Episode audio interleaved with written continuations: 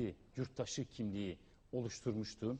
Ve bugün bile yıpratıla yıpratıla yok edilemeyen ve bugün de meydanlarda kendisini gösteren bu yurttaş kimliğini, Türkiye Cumhuriyeti yurttaşı kimliği nasıl bir temelde oluştu sevgili hocam? aslında kimlik oluşturma yüzyıllar süren bir süreç olmasına rağmen Atatürk gibi bir deha bunu çok kısa bir sürede oluşturup her türlü karşı harekete rağmen ayakta tutabilen belki ender bir önderdir. Bu yönüyle pek biraz siyasi görünebilir, bilimsel görünmeyebilir ama gerçekten de kanı böyledir. Çok kısa sürede çok farklı milliyetten, kökenden gelen insanları tek poda ulus kimliğinde barındıran Atatürk gerçekten dünya literatüründe bir örnektir. Her yaptığıyla örnek olmuştur ama kimlik inşasında belki de en büyük örneğini vermiştir. Şu çok önemli, kimlik yaratırken sadece bir etnik kökene bir ulusa dayandırmamış, hepsini içinde barındıran bir birey yaratma peşinde koşmuştur ve bireyi de tanımlarken gerçekten onun vasıflarına öncelik vermiş. Örneğin erdemine, faziletine, mesleğine, ondan alacağı saygıya, güvene önem vermiş. Bu çok önemlidir. Biz genellikle baktığımızda milletler tarihine kimliği hep böyle bir hamasetle görürüz. Atatürk'te, Atatürk'te hamasetten çok bir vasıf vardır dikkat ederseniz. Örneğin güven vardır. Çalışma duygusuna verdiği önem vardır. Çalışma duygusu belki de meslek kimliğine oluşturmuştur. Bu yönüyle gerçekten çok kısa sürede bir taraftan ulus inşa ederken bir taraftan onun için doldurmaya çalışmıştır. Şimdi baktığımızda yani 15 yılı düşünün. bir. 2007'den 15 yıl geriye gidelim bir. Kaç yılına varırız? 1990'lara. Çok yenidir ve hiçbir şey değişmemiştir. Ama 2023'ten Atatürk kaybettiğimiz yıla varın bir. 38'e. Aynı 15 yıldır ama ne kadar çok şey değişmiştir. Bu çok büyük bir olaydır. Şu anda günümüzde var olan edebiyattan sanata kadar bizim kimliğimizde kimlik dediğimiz dilimize kadar yeni yazımıza kadar her şey bu döneme sıkıştırılmış ve buradan bir kimlik inşa edilmiştir ve inşa edilen bu kimlik öyle bir sağlam kimliktir ki bunu temsil etmeyen yönetimler gelse bile bu değiştirilmemiştir. Bu çok düşünülmesi Yerleşti mi gereken. diyorsunuz hocam? Yani Bence Çok- yerleşmiştir. Tabii ki her kimlikte olduğu gibi sarsıntılar, krizler, kimlik krizleri bireyde yaşanır. Olacaktır ama bu yerleşmiştir. Kendi üretmeye başlamıştır. Eğer bunun önü, sembolleri, içi doğru doldurulursa, gerçekten bunun ne anlam ifade ettiği gururla olursa ve çok önem verdiğim bir nokta var benim. Bu kimlik kendisine kendi gözüyle bakmayı öğrenirse çok gelişecektir. Kimliğe kendi gözle bakmamak, dışarıdan bakmak bunu çok zedelemiştir zaman içerisinde. Ama benim görüşüm çok iyimserdir ve bu iyimserliğimi bilimsel bir kanıtı yok. Ama hissettiğim duygu şudur ki bu 80 yıllık bir kısa süre olmasına rağmen sanki yüzyıllar gibi yaşanmış bir kimlik süreci vardır ve bu Anadolu'da yaratılan kimlik içimizde gerçekten hissedilen bizim sembolünü kurduğumuz bir kimliktir. Ve bu sağlam bir dayanağı vardır. Ve bu dayanakta Atatürk'ün bu yönü, siyasi yönü çok konuşulmuştur ama kimlik inşa etme yönünü sadece uluslaşmaya dik bıraktık. Bunu biraz konuşmamız gerekir sanıyorum. Evet. Peki e, Hasan Ünal hocam da kimlik üzerine e, kimlik siyaseti ve kimlik tartışmaları üzerine Türkiye'ye yönelik bir dizi planlar olduğunu da biliyoruz. Siz de bu yanını biraz irdeler misiniz? Mustafa Kemal Türkiye'siyle 1923'te e, başlayan ben Kurtuluş Savaşı'nın ardından 1923'ü bir anlamda Kuruluş Savaşı'nın başlangıcı diye de görmek gerekir değil mi? Sizce nasıl geldi bu süreç? Bugüne nasıl taşıyabiliriz bu tartışmayı? Şimdi bu Türk kimliğinin e, siyaseten inşası Atatürk'ün e, en büyük başarısıdır. E, ve Türk kimliği üzerine kurulan ulus devlet yapısı. Yani ulus devlet her şeyin başıdır. Milli devlet bu şimdi çok konuşulduğu zaman ne olduğu tam olarak anlaşılamıyor belki ama ulus devlet olmadığı zaman ne tür felaketlerin geldiğini anlayabilmek için Irak'a bakmak lazım.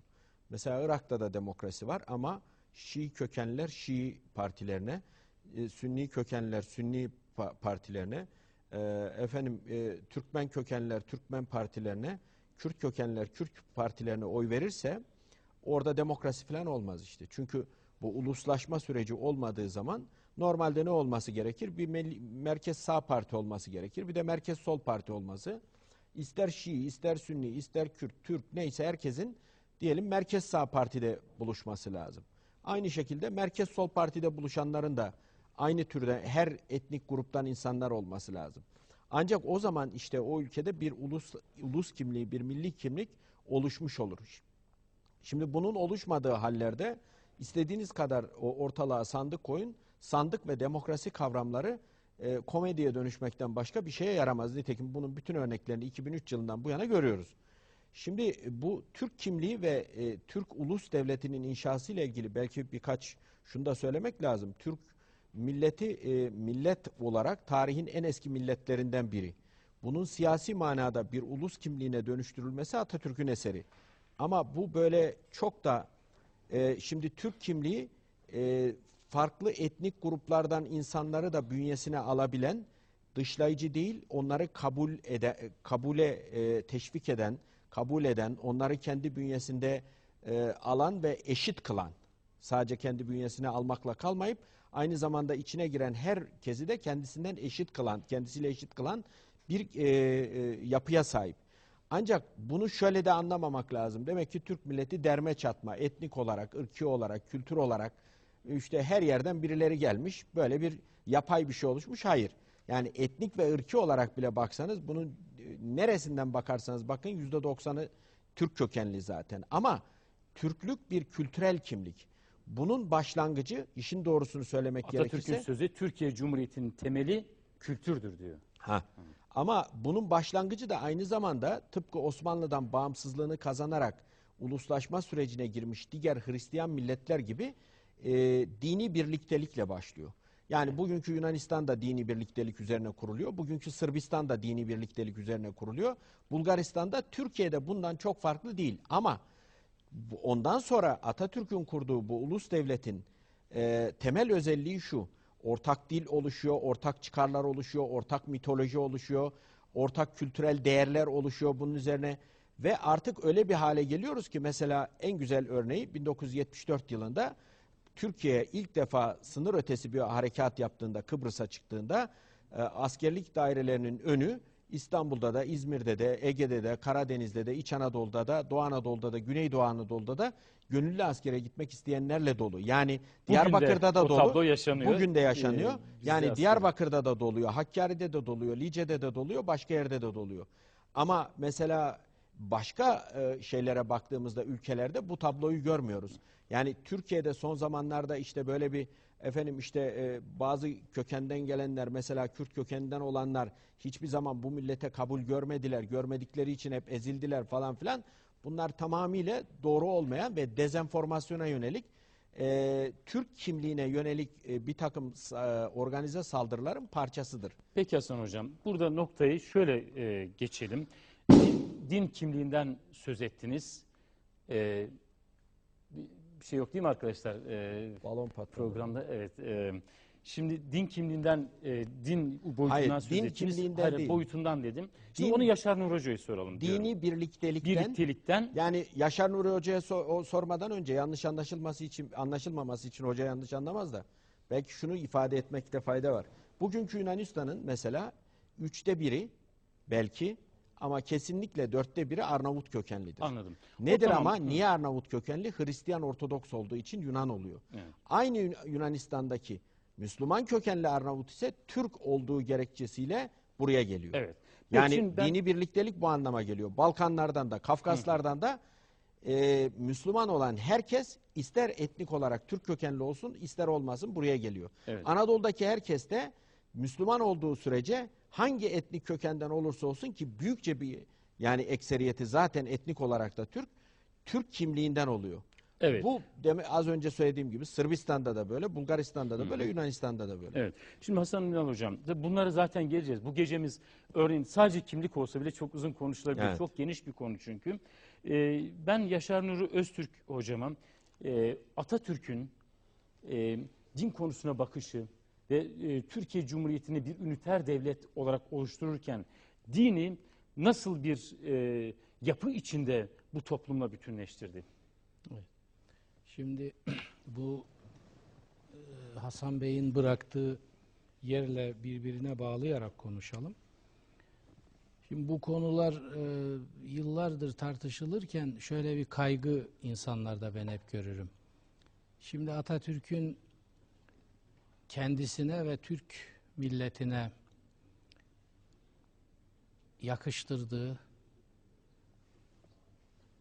kimlik üzerinde böyle fazla İslam, Mislam, din, min filan konuşursak bu laikliğe filan pek uymaz. Bizi de şimdi tutar. Laikliğe posta attı falan diye düşünürler gibi böyle bir kaygı vardır. Ve bu yüzden de birçok insan maalesef içinden geldiği gibi konuşamamıştır, yutkunmuştur. Halbuki hiçbir alakası yok bunun. Laikliğin ne olduğu belli ve bizim kimliğimizin kozmik bağlantılarını araştırmanın laiklikle çelişen, çatışan bir tarafı yok. Bu yanlışlar yapıla yapıla sonunda geldiğimiz yer ortadadır. Şimdi şunları gayet açık konuşalım. Zaten Mustafa Kemal Atatürk'ün bir defa kendi kimliğini bu ülke senelerdir sakladı ve saklamaya devam ediyor.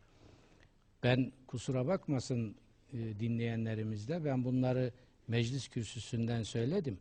Atatürk'ü sürekli dayattık ama Atatürk'ü anlatmadık. İslam'ı da sürekli dayattık, onu da anlatmadık. Şimdi iki tane dayatma çıktı ve ikisi de bizi kafamızı duvara vurdurdu. Biri dini dayatmak, anlatmadan hala dayatıyoruz. Bütün dehşeti ve felaketiyle Atatürk'ü de dayattık. Şimdi ben birkaç gün önce daha ben 30 yıldır Atatürk'le meşgulüm. Bir Lütfi Fikri diye bir hukukçunun İstiklal Mahkemesi'nde yargılanışı sırasında sergilediği bir tavır var. Şimdi ben bugüne kadar 10 kitap dediniz. Ben 50 küsür kitaba imza attım. 10 küsür yabancı dillerde olanlar sadece. Şunun için söylüyorum. Kimseden dinlemedim bunu. Ve okudum ve yanımda birkaç kişi biraz sonra oluştu başka bir vesileyle. Dedim ki bakın siz bunu biliyor musunuz? Yok. Atatürk'ün Atatürk bu işte. Atatürk'ü böyle anlatacaktık. Şimdi siz Atatürk'ün heykeliyle kime ne diyeceksiniz? Ne kadarını söyleyeceksiniz? Bir defa Atatürk çok boyutlu bir insan. Şimdi Atatürk aynı zamanda asker. Bir defa Atatürk'ü askerliğe hapsediyoruz. Canım asker. Hatta damat Ferit, hatta Enver Paşa gibi insanlar biri hain öbürü vatanperver. Ama ikisi de aynı şeyi söylüyor. Mustafa Kemal as- siyaset bilmez. Berbat eder. Perişan eder bizi. İşgal kuvvetlerinin önünde bizi mahveder. Bu işe elini sürmesin. Gitsin kıtasına orada hapsolsun kalsın.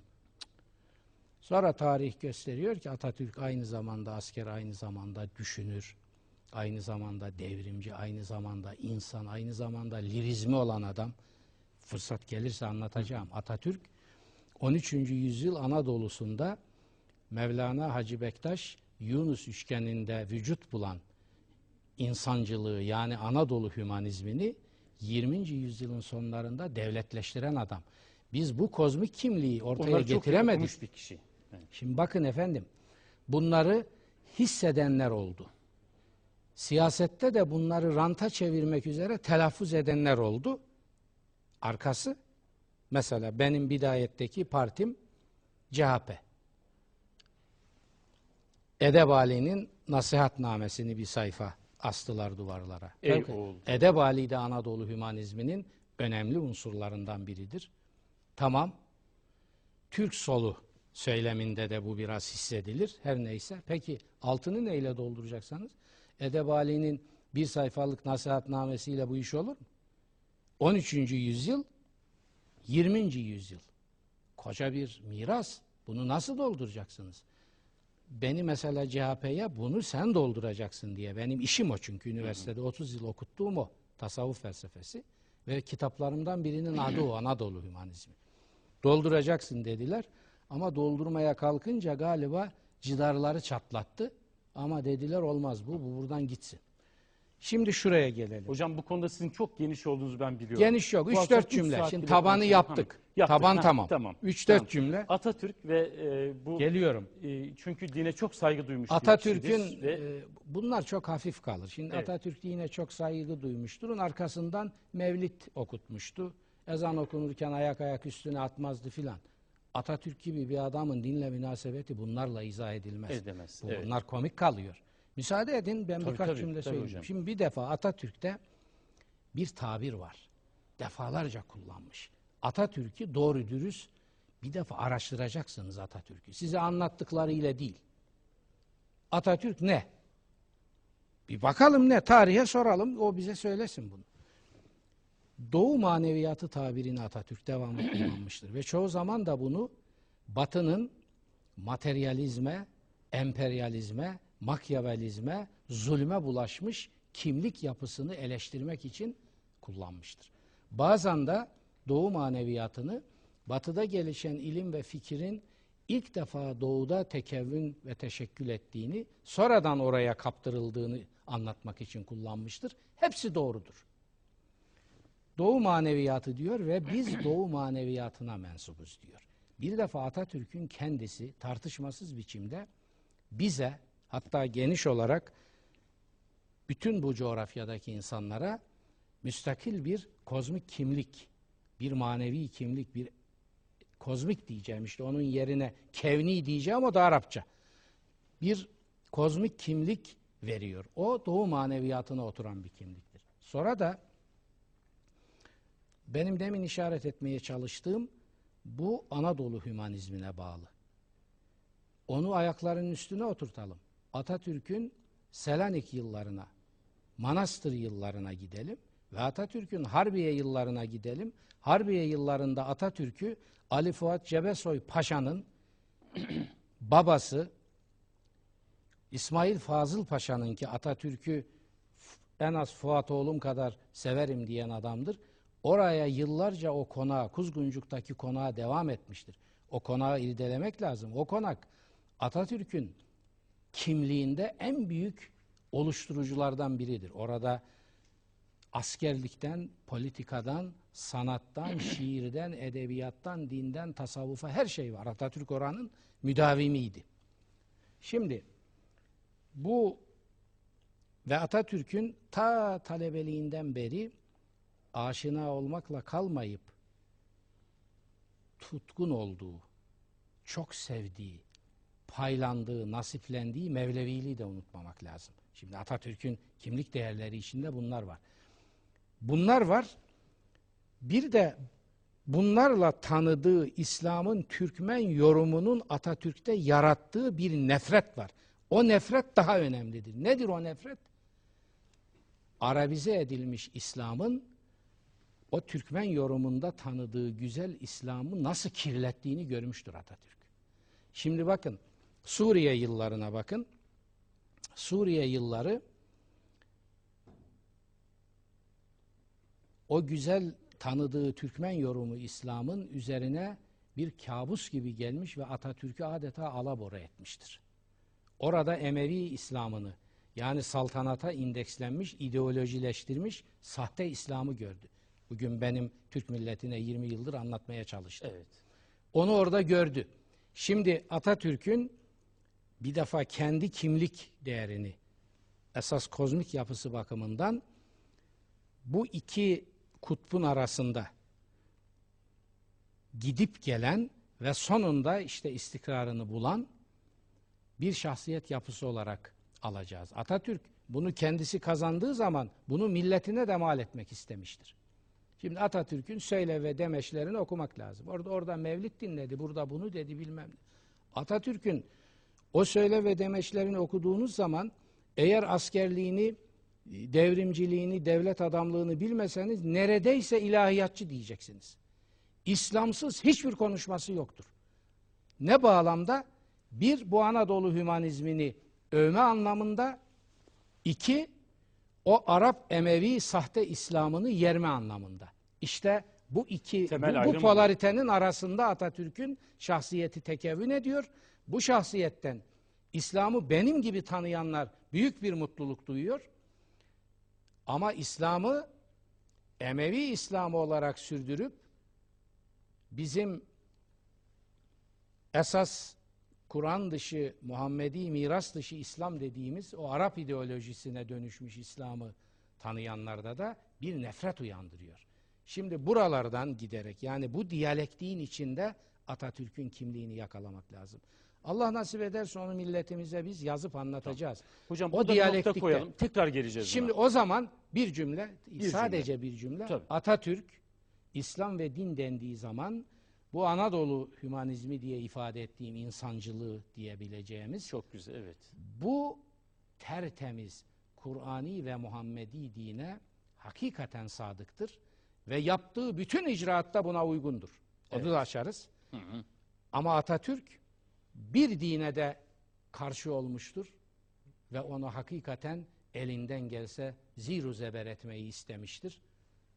O da işte o demin bahsettiğimiz Arap Emevi İslam'ıdır ki bugün zaten dünyanın başına bela olmakta ve Müslümanların kaderini karartmakta.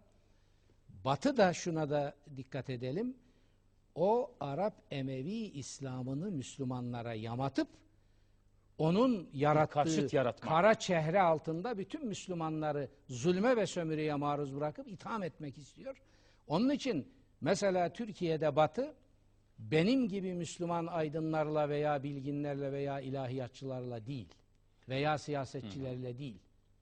O Emevi İslam'ını temsil eden karanlıkla işbirliği yapıyor. Çünkü hesapları ona uygundur. Evet. O da onun hesaplarına uygundur. Hocam Şimdi Atatürk'ü buradan Evet, giderek Tamam. bir Bu- ele, ele alalım. Buna yine geleceğiz hocam. Tabii, yani bütün tabii. yanlarıyla işleyeceğiz ama şimdi sevgili izleyiciler ben 9'a kadar e, başka bir haber gelirse uyarın demiştim. E, gazeteden de Cumhuriyet'ten de arkadaşlar e, gelmediğine göre doğru. E, son saatlerde doğrulanmış, kesinleşmiş bir haber var. E, başka kanallara gitmenize gerek yok. Ayrıntılarını yine biz size vereceğiz buradan. Ama 8 askerimiz şu anda Türkiye Cumhuriyeti topraklarında. Evet 8 askerimiz şu anda Türkiye Cumhuriyeti topraklarında. Ee, bizim arkadaşlarımızla ilgili güvendiğimiz kaynaklarla da konuştular. Türkiye'ye getirildiler. Ee, sorunlu bir operasyonla kim yaralıların da olduğunu öğrendiğimiz bir operasyonla getirildiler. Şu anda Türkiye'de Türk yetkililerle de şu anda bir e, olayın soruşturması e, devam ediyor.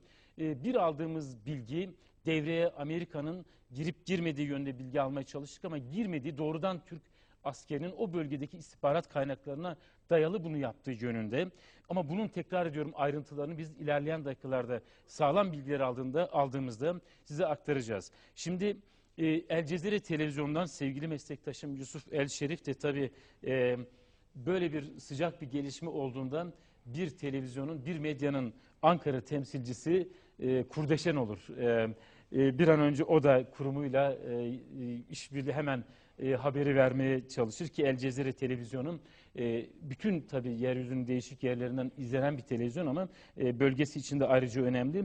Yusuf'a ben e, ama hemen bırakmayacağız. Genel olarak bir e, bu konularda ağırlıklı olmak üzere ama sevgili e, Yusuf El Şerif e, genel senin de söylemek istediklerini alırız. Sonra sanıyorum sen ayrılmak isteyeceksin. Öyle e, e, sana da o hakkı vereceğiz. Haklısın. Şimdi e, Yusuf, Amin Maluf'un bu ölümcül kimlikler, Robert Kaplan'ın bu Balkanlar kitabındaki o Balkan uzayı tanımı, kimlik deyince insanın aklına uzay gelmesi çok ilginç tabii bir tanım. Ama Orta Doğu'daki kimliklerin bir ölümcülleşmesi. Bir yandan da tabii sen 7-8 yıldır da Türkiye'yi tanıyorsun. Biz bu topraklarda e, böyle damarlarına bakmamışız insanların. Kafa, e, kafasının tasına bakmamışız ama ne mutlu Türk'üm diyene demişiz. Yani Türk olana, damarında bunu taşıyana dememişiz. Bir bizim burada yaratmaya çalıştığımız bir ortak payda var.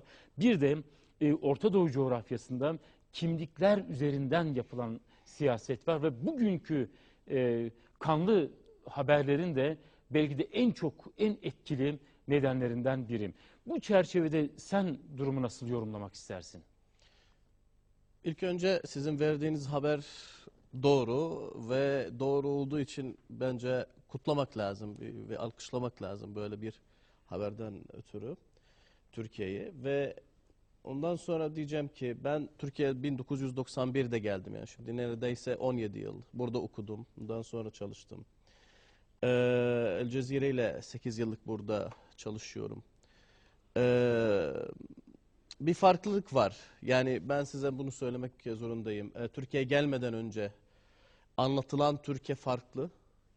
Yaşanan Türkiye tamamen bir farklı. Çok farklı hatta. Ee, Türkiye dış medyada çok e, haksızlığa uğra- uğratılmıştır. Bazen kasten, bazen iç hesapları için, bazen farklı nedenler yüzünden böyle bir e, tablo var. Ama karşılaştırma yaptığımız zaman da yani coğrafyasıyla ilgili geçen gün bir arkadaşla konuşuyorduk.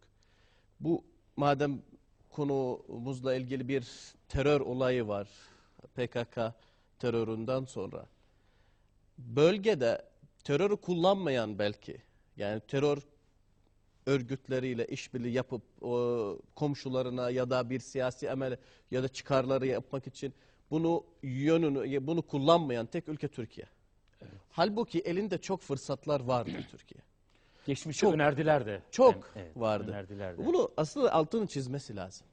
Yani bu buradaki Türkiye'nin farklılığını çok önem bir şey çok önemli arz ediyor. Yani orada siz Orta Doğu'ya bakarsınız bir yani Kurtlar Vadisi gibi bir şey ve e, terör her zaman bir araç, bir her şeyi yap- yapmak için kullanılmıştır.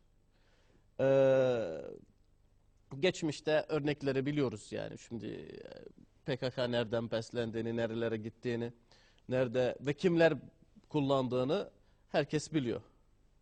Ama Türkiye böyle bir şey yapmadı ve Türkiye böyle bir e, aslında fırsatları her yerde vardı. Yani Kafkaslar'da vardı, vardı, İran'da da vardı, Arap ülkelerinin içerisinde de bile vardı, Yunanistan'da bütün komşuları aslında isterse Türkiye aynı şekilde davranmak isteseydi bütün komşularını çok ciddi bir şekilde rahatsız ederdi. Ve bu e, Orta Doğu felaket bir Orta Doğu Belki de bu bizim damarlarımızdaki bir anlamda yurtta sulh, cihanda sulh. Oradan ülkünün- işte gelmek gerekiyor. Evet, yani çok- evet. böyle bir kültür varken Hı hı. yani dışı komşuyu yine PKK Suriye konusunda o, o yıllarda bile e, biz biliyoruz ki İhvan-ı Müslim'in Suriye'den atılan İhvan-ı Müslim'in Türkiye'ye gelip ve orada Türkiye bu kartı kullanılsın denildi, önerildi Suriye'ye karşı kullanmadı. İhvan-ı Müslümin Türk izleyiciler için Müslüman kardeşler. Müslüman kardeşler, evet, Tabii yani yani, e, Orta Doğu'daki adı İhvan-ı Müslümin. Evet. Evet. Bu önemli. Ya şimdi komşularını e, siyasi rant elde etmek için ya da siyasi bir şey el- elde etmek için kullanmayan bu bu ayrımcılığı kullanmayan Türkiye içeride de şimdi bazı şeyler yaşanmış olabilir, bazı yanlış anlaşılmalar olabilir, bazı siyasi olaylar kullanılmış olabilir, dışarıdan etkiler, içeriden ama eee iç, içeride böyle bir eee, işte kafatası, ölçü falan olayları eee, çok eee, bir devlet politikası olduğunu yani inanmak mümkün değil. Aslında böyle anlatılıyor dışarıda. Böyle anlatılıyor değil mi? Böyle anlatılıyor. Yani geçmişte de farklı bir Türkiye anlatılıyor. Şu anda da bile bu kriz sırasında bile Türkiye çok farklı bir şekilde anlatılıyor. Biz mi başarısızız yoksa dışarıda mı çok ön yargı var Yusuf? Şimdi Türkiye bir neden yani onu uzun anlatır konuşuruz da Türkiye içine kapanmış bir ülke. Bir yani bir zaman yani bu bayağı epeydir. E, hatta şöyle dışarıdan gelen Türkiye ziyaret eden ilk şey diyor yabancı dil konusunda Türkiye e, neden bu kadar içine kapanmış? Yani çok fazla yabancı dil bilen ya da işte e, en azından komşuların dillerini çok iyi anlat bilen insanlar çok fazla yok. Yani turistlerin ilk önce mesela veya turistleri bırakın farklı e, iş, iş Yabancı gazetecilerin diyelim. gazeteciler Yani ya da hatta şirketler yani şirketler buraya yatırım yapmak isteyen şirketler farklar yetkilerle ve şey bu e, tabii ki soğuk savaşın nedenleri var başka nedenler var Türkiye biraz e, muhitiyle çok fazla alışveriş yapmamış ve bir ara e, Avrupa'ya endekslenmiş yani oradaki alışverişi özellikle Almanya e, bu yüzden e, Türkiye kim anlatır? Türkiye kendisini anlatmıyordu. Hep üçüncü bir taraf anlatıyor. Hep başkaları anlatıyor Türkiye. E, Türkiye kendi kendini anlatamamış diyebiliyor, diyebilirim yani bunu e, bütün dünyada. E, onun nedenleri dediğim gibi çok fazla ama e, çok kişi gördüm. Yetkililer gördüm. Yani diplomatlar gördüm bile. Diplomatlar gelmeden başka bir Türkiye aklında var. Türkiye'de oturduktan 4 sene sonra belki Sayın Büyükelçimiz daha tecrübeleri belki olmuştur bilmiyorum ama çok farklı bir Türkiye görüyorlar ve ister istemez çoğu böyle artık e, ya aslında evet biz Türkiye yanlış biliyoruz bunu düzeltmemiz lazım. Burada Türkiye'den çok şey öğrenebiliriz, çok şey yapabiliriz. Ee, ve son bir şey de söylemek istiyorum yani. Ya Atatürk'ün teorisi belki bölge için çok erken gelmiş. Yani zamanını daha önce gelmiş. Bu yüzden iyice kavranmamış. Yani o, o da Evet. anlatılmamış ve algılanamamış. Yani bugün şimdi ya, e, hocam söyledi Irak e, örneği. Yani bugün 2003 yılından sonra ve bu deneyimlerden sonra ya biz keşke Türkiye'nin 84 yıl önceki gibi yapsaydık bunlardan kurtulurduk. Ya 85 yıl sonra insanlar artık fark etmeye başladı, algılamaya başladı. Belki teori çok erken geldi.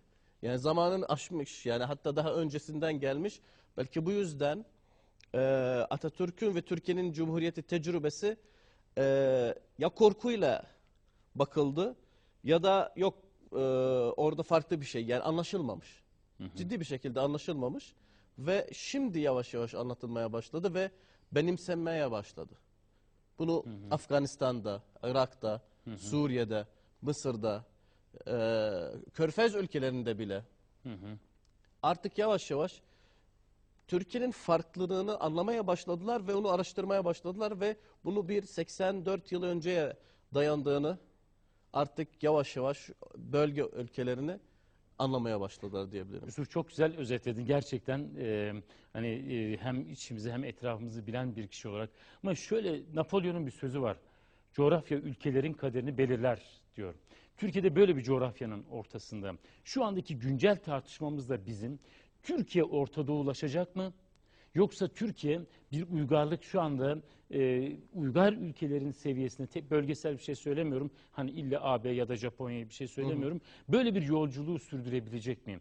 Sen nasıl görüyorsun dışarıdan şu andaki Türkiye'nin içindeki tartışmaları?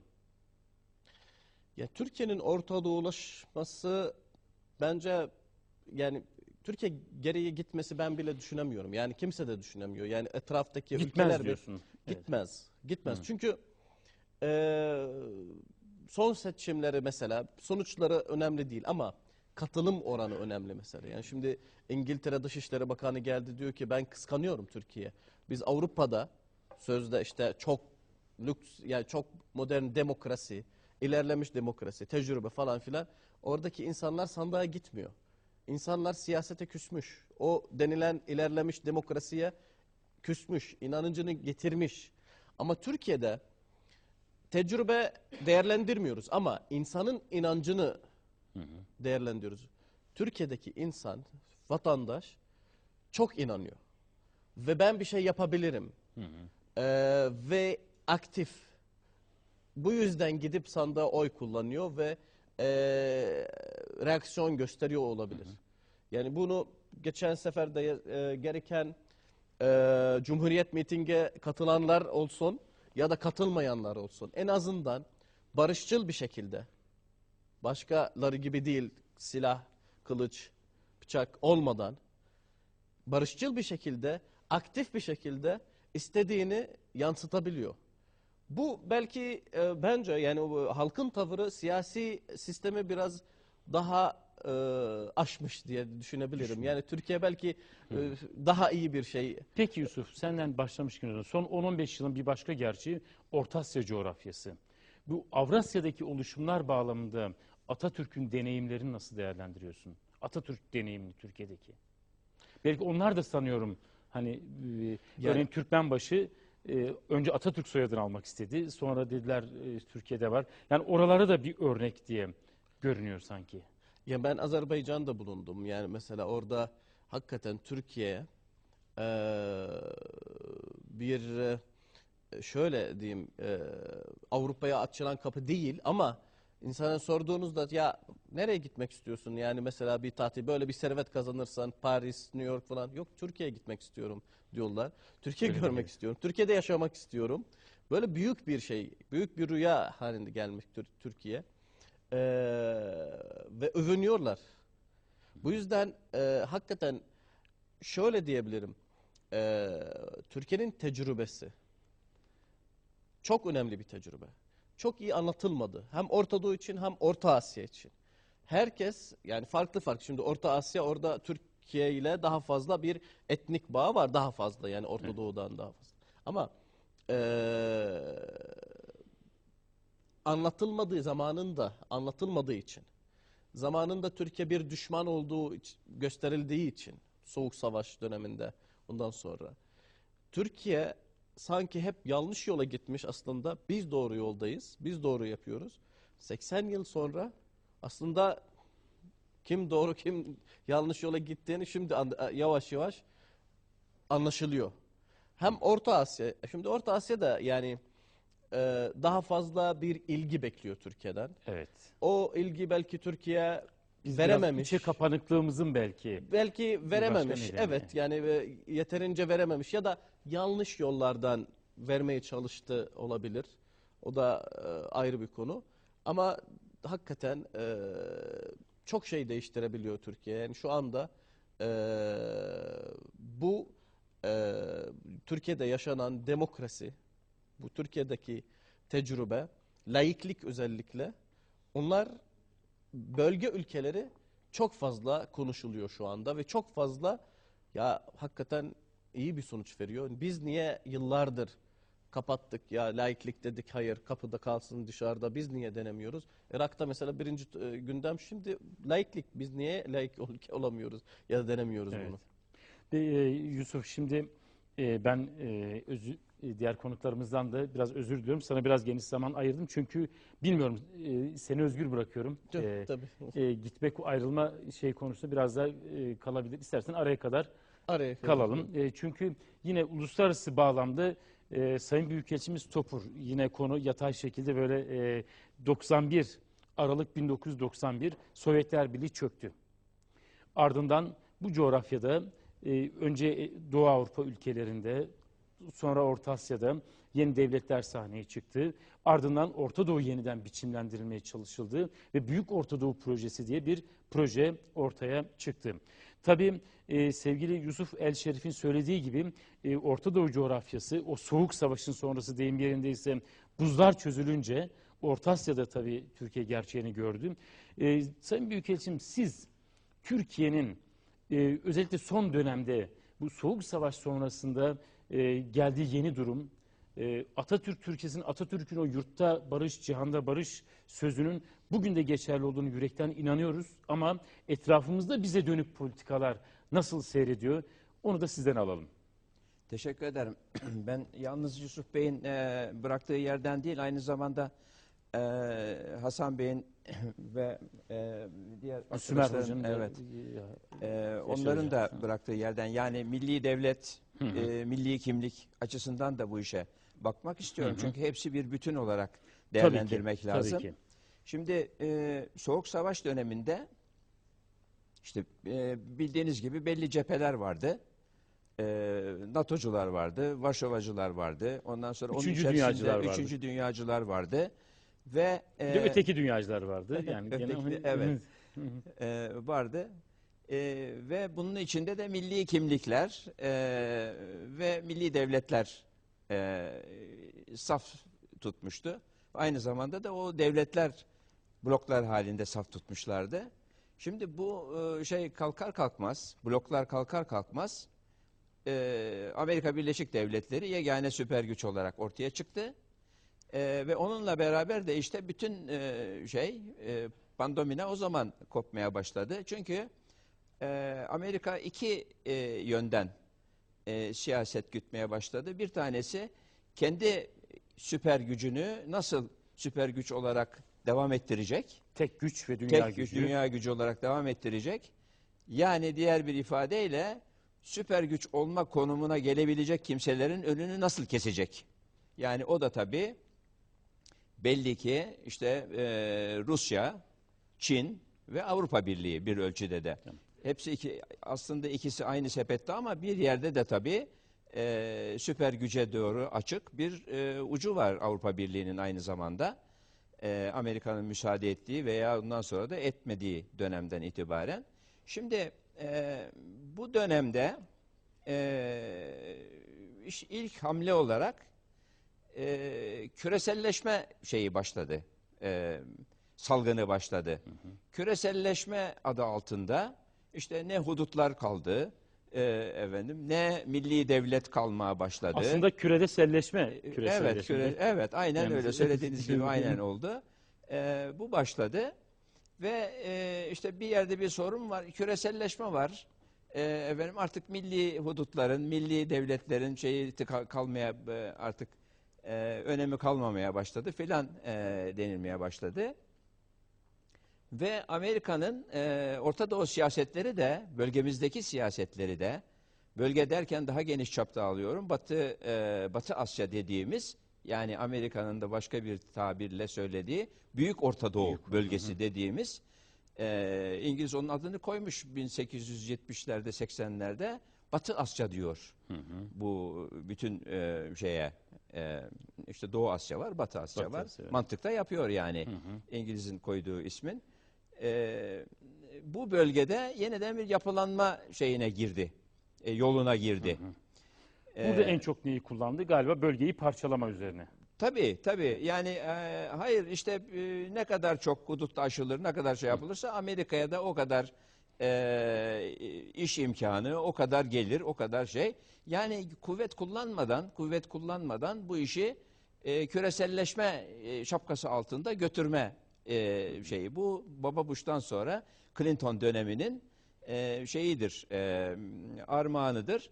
E, fakat bir yerden sonra bu e, neokonlar dediğimiz şeyler çıkmaya başladı 1995'lerden itibaren. E, hatta 92'de çıkmaya başladılar. İsrail kaynaklı olarak çıkmaya başladılar. Çünkü İsrail o zamanlar e, bölgede ne yapabiliriz diye stratejiler çiziyorlar.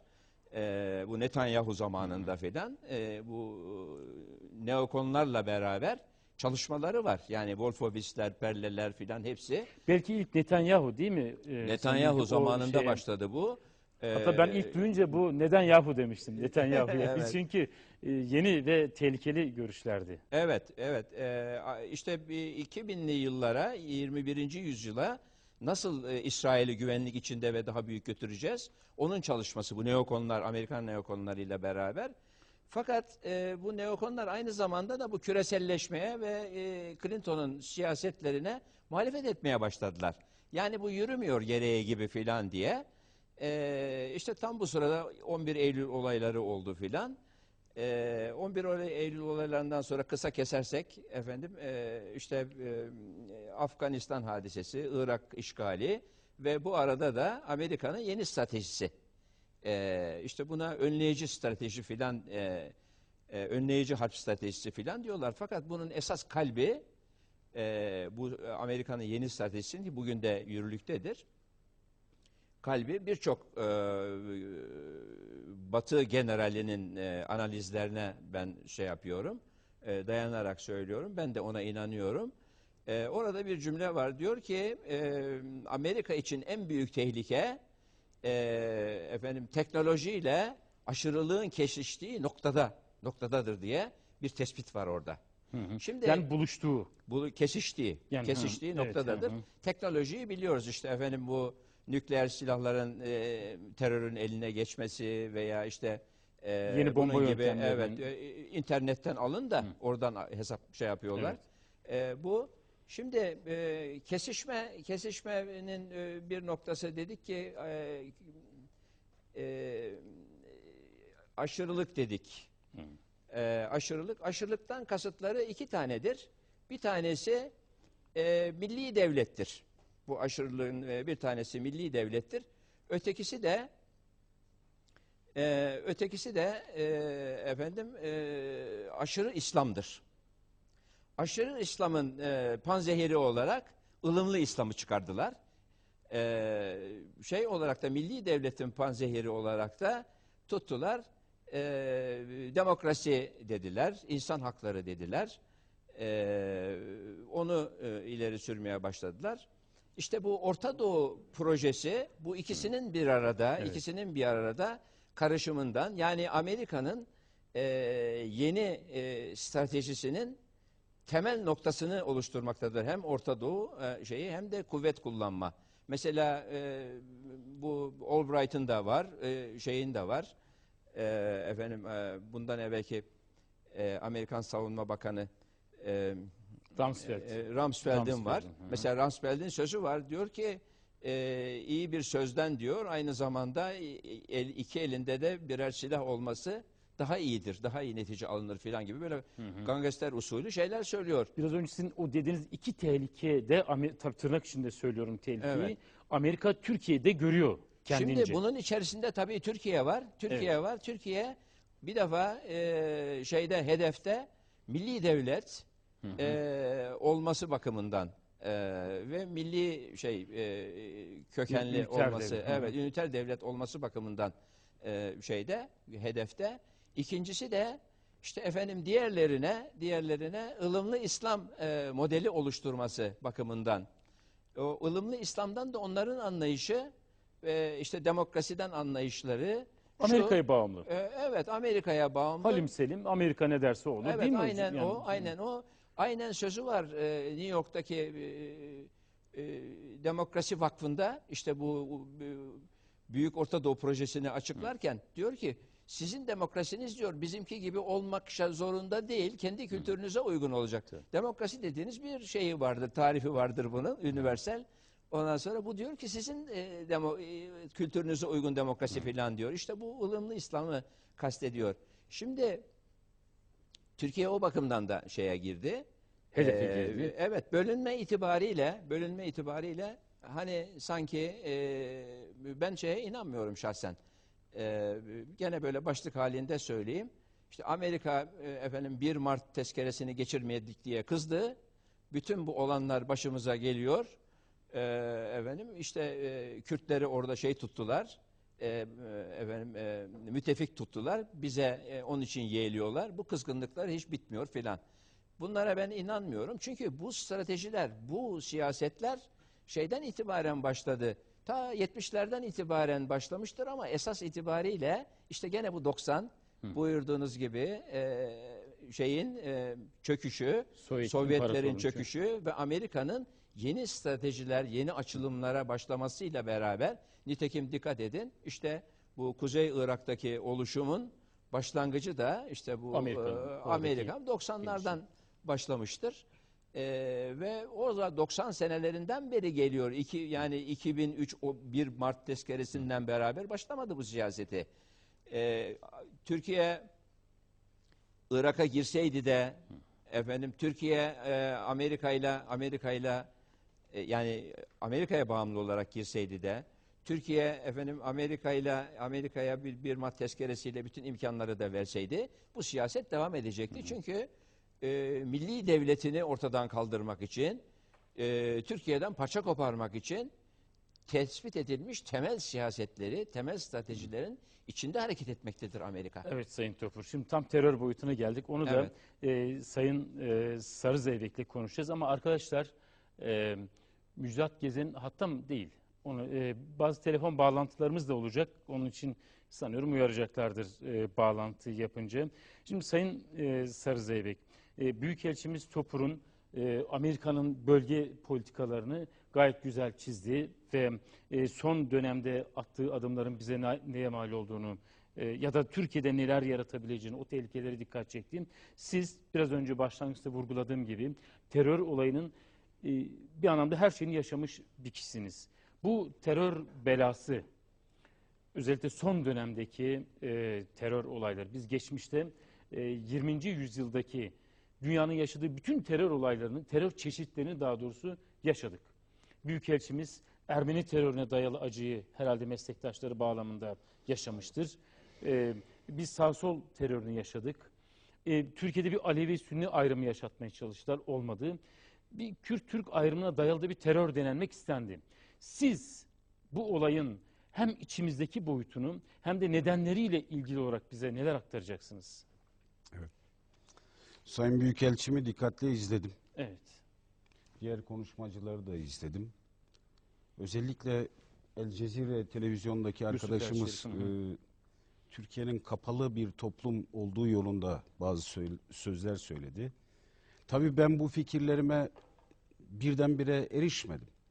Yani 1980-1993 hatta 83-93 Özal'ın iktidar olduğu dönemde e, 84 Şemdinli Eruh baskınları, iç 15 politikada Ağustos teröre 1984. bakış, Evet. Birinci Körfez Harekatı uygulaması ve sonuçları hepsini gördük. 93'ten 2002'ye koalisyon hükümetleri onların teröre bakışını gördük. Şu an Amerika Birleşik Devletleri'nin ve İsrail'in Orta Doğu'daki faaliyetlerini yakinen izliyoruz. Benim bendeki düşünceler ta 1984'ten günümüze sürekli gidip geliyor. Hep değerlendirme şeklinde. Ve bugün düşünüyorum kendi kendime diyorum ki biz diyorum Orta Doğu'yla ilgilenmedik. Ve Orta Doğu'daki gelişmeleri dikkatlice ele almadık. Bunu neden söylüyorum? Şimdi bakın birçok resmi kaynaklarda bu açıklandı. Dünya Siyonist Birliği'nin 1982'de yayınlanmış bir dergide çıkan yazısında 1980'li yıllarda İsrail'in temel stratejisi diye bir yazı var. O yazıda açık açık yazmış. Diyor ki İsrail için diyor Orta Doğu vazgeçilmez bir yaşam alanıdır. İsrail diyor bu Orta Doğu coğrafyasında yaşayabilmesi için öncelikle diyor kendisine hedef olarak ulus devletleri seçmelidir diyor. Kendisine komşu ve Onları yakın yok etmek ya da en Evet, azından evet. gücünü azaltmak. üzerine. azaltmak. Kendisine komşu ve yakın ülkeleri de diyor zayıf yönetimler getirip etnik ve din ekseninde diyor parçalamaktır diyor. Şimdi bu Bunu strateji 1980'lerde söylüyoruz. Tabii yani. tabii. Şimdi bu strateji Amerika Birleşik Devletleri'nin Büyük Orta Doğu projesi stratejisiyle adım başı gidiyor. Dolayısıyla olaya 1984'teki Şemdinli Eruh baskınıyla değil biraz daha geriye gidip İran-Irak savaşıyla belki bakmak gerekiyor. Çünkü 1982, İran-Irak savaşında 88, evet. 80-88'de İran-Irak yani Hümeyni'nin başa geçmesi, Şah'ın devrilmesi, Saddam e, İran savaşı. Amerika Birleşik Devletleri'nin Irak'a desteği, İsrail'in Irak'a desteği, daha sonra Saddam'ın Kuveyt'i işgali, Amerika'nın tekrar işgalde ses çıkarmaması, sonradan Saddam güçlenince onu zayıflatmak için devreye girmesi, yani bunların hepsinin terörle mücadelede, tabi bu bizim görevimiz değil, siyasilerimiz tarafından değerlendirilmesi gereken konulardı. Demek ki bunların hepsi Siz zamanında... PKK olayını Orta Doğu'dan Tabii. ayırmıyorsunuz. Ta- Yani tabii iç içe. parçasıdır. E şimdi diyorsunuz. zaten Evet. göreceğiz. O konuyu Evet. da açacağım. Eğer siyasilerimiz zamanında bu Orta Doğu'daki geliş, gelişmeleri e, İngilizlerin Filistin'den çekilip Birleşmiş Milletler kararıyla 1947'de İsrail'i Filistin'e getirmeleri ta oradan itibaren dikkatlice izlemiş olsalardı belki biz PKK sorunu bu denli uzun ki 30 yıl bu denli çok can kaybıyla yaşamamış olacaktık diye düşünüyorum. Şimdi bugünkü duruma baktığımızda bence bu konuyu bilen insanlar gerek siyasi gerek askeri yönden bizim gibi emekli olmuş insanlar veya görevdeki uzmanlarımız bugünkü yönetime bu bugünkü yönetim AK Parti hükümeti olur, başka hükümet olur hiç değişmez. Bugün ülkeyi yönetenlere çok sert, çok acımasız, çok açık ve net tavır almak zorundayız. Neden? Evet. Çünkü PKK'nın artık bilinmeyeni yok. Bakın Özal döneminde Özal hata yapmış olabilir birinci Körfez Harekatı'nda. Ne bileyim Amerika Birleşik Devletleri'ni körü körüne destekleyip bir koy üç al politikası Baba Bush'la dostum Baba Target. Bush'la yani Hı hı. devlet siyasetinde bu tür şeyler olmaması lazım. Hı hı. Yani hata yapmış olabilir diyebiliriz. Neden? PKK 84-93 döneminde bizim için çok bilinmeyenli bir denklemdi. Finansmanı, eleman kaynakları, bulunduğu yerler, stratejisi, e, örgüt mensupları, dış destekler biraz bilinmiyordu. Yani o tereddütü biz o yıllarda Güneydoğu'da yaşadık. Ondan sonraki gelen hükümetler dönemine baktığımızda terörist sayısı çok artmıştı 80-93 dönemindeki hatalar yüzünden. 20 binlerden bahsediliyordu. Dolayısıyla gelen hükümetler ve güvenlik güçleri bütün varlıklarıyla teröristle mücadeleyi yürüttüler. Yani terörle mücadele konseptini geniş bir açıdan göremedik. Bugünkü hükümete çok sert eleştiri yapmamız gerekir diyoruz. Neden? Bilinmeyeni yok. Örgüt başı hapiste. Dış destekler belli. Avrupa'daki yayın organları, dernekleri, büroları, vakıfları. Para kaynakları belli, paranın nerede olduğu, aklandığı da belli. Örgüt mensuplarının silahları, eylem taktik teknikleri, yurt dışındaki yerler, yurt içindeki yerler bunlar da biliniyor. Ama şimdi bakıyorsunuz ki hükümetin bir terörle mücadele konsepti yok. Neden bunu söylüyorum? Hadi diyebilirsiniz ki siz bir emekli albaysınız. Güneydoğu'da yaşadığınız bir 10 yıl var. Terörle mücadeleniz var. Hani o çerçevede siz olayları kendinize göre yorumlayabilirsiniz diye beni eleştirebilirsiniz ve haklısınız da. Ama Türkiye'de Türk Silahlı Kuvvetleri'nin başı durumundaki Genelkurmay Başkanımız 12 Nisan'da bir konuşma yaptı.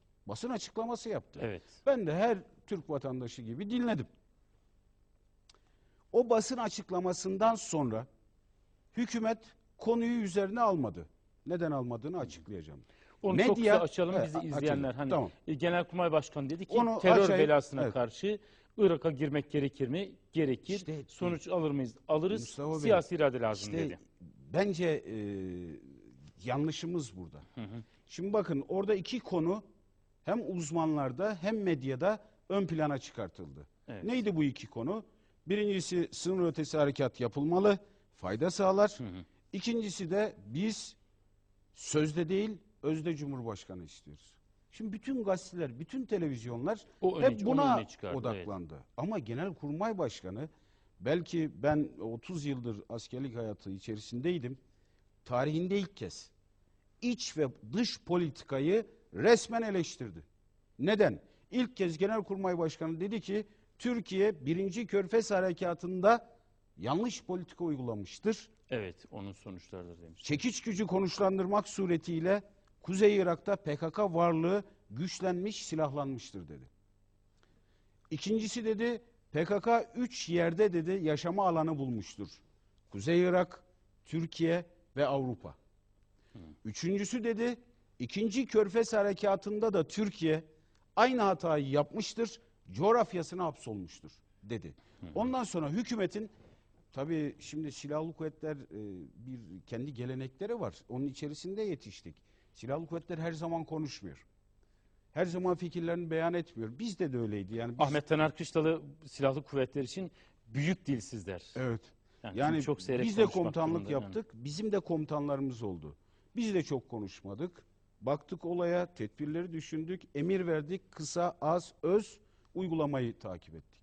Ama konuştuğu zaman hele ki böyle bir ortamda Genelkurmay Başkanı basını toplayıp gayet net açık ifadelerle bu hükümetin terörle mücadele etmediğini söylüyor ise eğer demek ki Türkiye'de işleri iyi gitmiyor.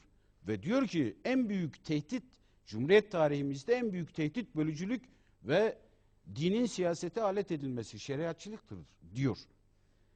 Bu hükümetin neden terörle mücadele etmediğine gelince açıkladığı husus var. Diyor ki siyasi kararlılık önemli. Teröristlere dış desteğin kesilmesi önemli. Bakın önemli derken bunu açması gerekmiyor. Yetkilerimiz diyor yetmiyor. Hatta orada bir binbaşıdan örnek verdi. Dağda yakaladığı bir teröristi yer göstermeye götürürken çatışmada teröristin ölmesi üzerine Cumhuriyet Savcılığı o yerdeki komutan hakkında soruşturma açıyor. Yani diyeceğim siyasi kararlılık, yetkiler, dış destekler ve teröristin ümidinin kırılması diyor. Hatta örnek verdi bir siyasi parti ortaya çıkıyor dedi veya PKK yandaşı siyasi kişiler ortaya çıkıyor dedi. Açık açık terörist propagandası yapıyor dedi. Eğer ki zamanında ben kişisel olarak düşünüyorum. Medya üzerine düşeni yapmış olsaydı, uzmanlarımız da medyada yer aldığı zaman Genelkurmay'ın 12 Nisan basın açıklamasını doğru teşhis edebilmiş olsaydı inanınız yine bu günleri yaşamayacaktı. Peki, Çünkü kaybedilmiş evet. bir 6 ay var. Çok güzel özetlediniz. Ee, bundan sonrası için e, ne yapmak gerekiyor? Evet. Bunca deneyimin sonrasında Sayın Sarızeyrek. Böyle bir e, soruyla muhatap olabileceğimi düşündüm. Kendi kendime bazı notlar aldım. Şimdi bugünkü durumda yine sözlerime şeyle başladım. Bu hükümeti çok sert, acımasız eleştireceğiz. Neden? Çünkü PKK terörünün bilinmeyeni yok. Her şey açık net. Diyorsunuz ki bölücü başı teslim edildi hapiste. Ama sizin hapisteki bölücü başınız 5 yıldır örgütü İmralı'dan avukatları vasıtasıyla idare ediyor. Bu nasıl terörle mücadele? Olay şu an çok net açık. Yani ben baktığım zaman fotoğrafı görebiliyorum. Amerika Birleşik Devletleri ve İsrail diyor ki bizim Orta Doğu'da hayati çıkarlarımız var. Amerika Birleşik Devletleri diyor ki petrol.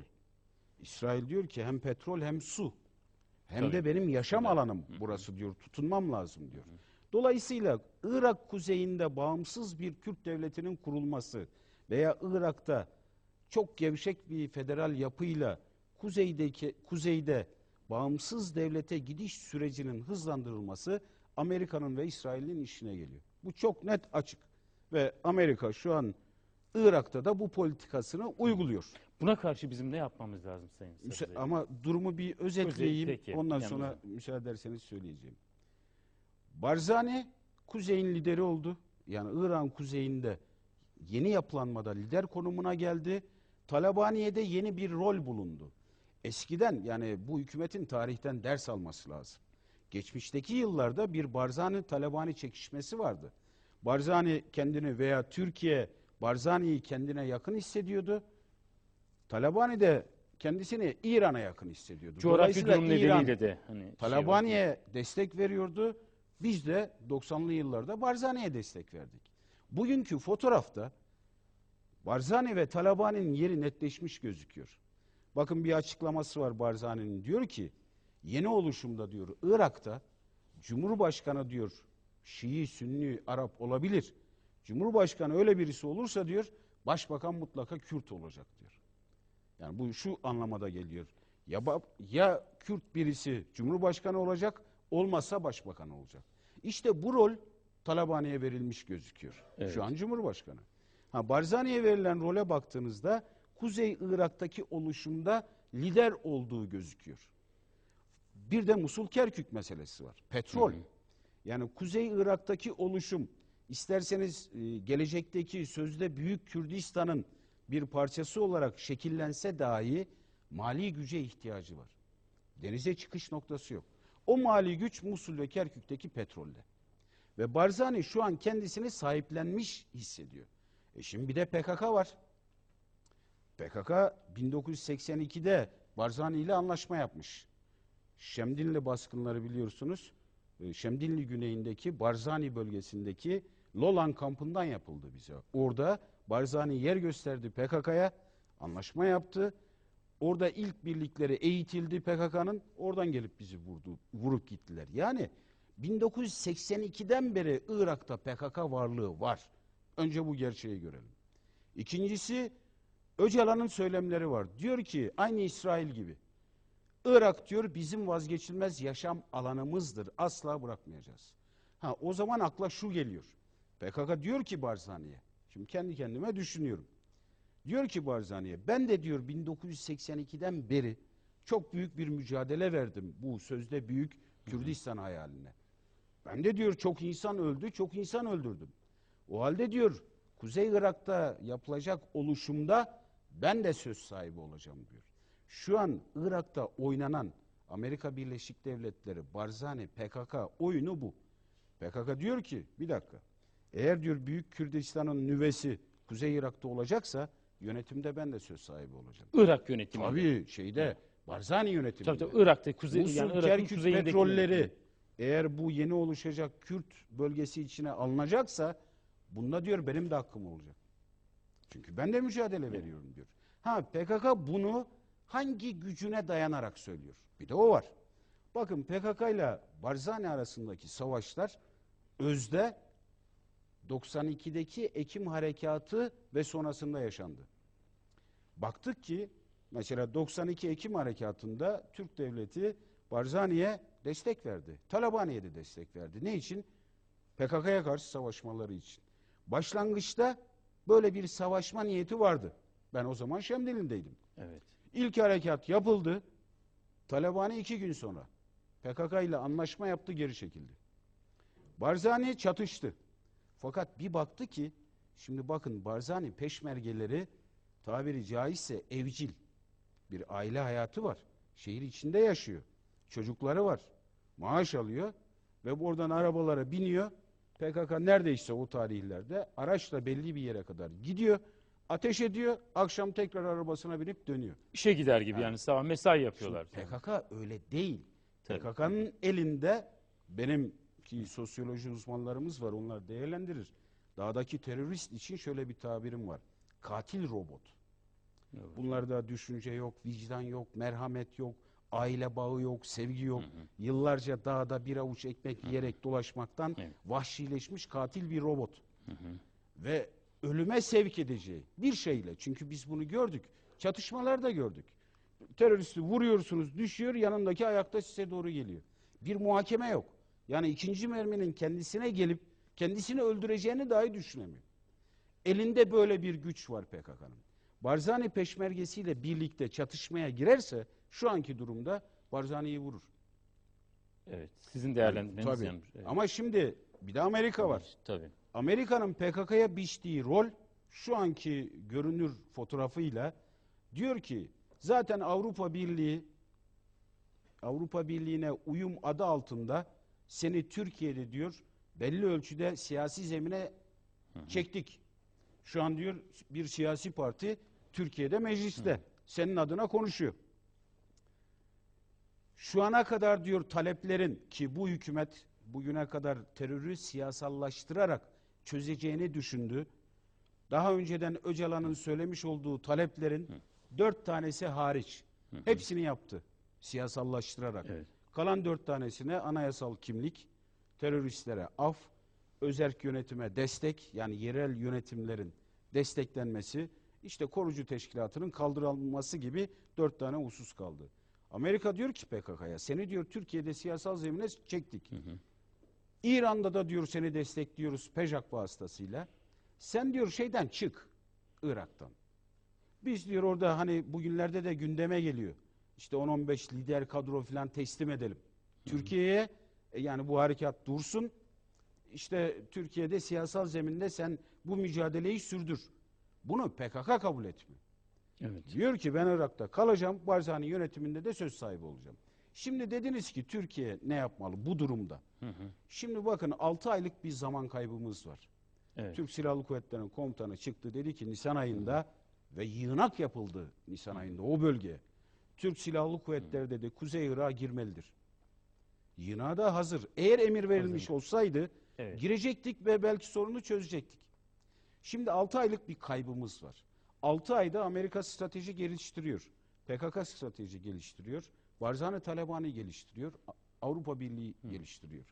Dolayısıyla Sevgili Sarı Zeybek gerçekten bitireceğim. şöyle yok bitirmeyin. Devam ikinci bir bu kadar da sürede gerçekten e, gelinen noktayı çok iyi özetlediniz. İkinci bölümde siz buradan başlayın. Tamam. Siz Peki, bir durumun şey fotoğrafını çok iyi koydunuz. bitireyim. Evet. Buyurun. Dolayısıyla buradan açıkça Türk milletine söylüyorum.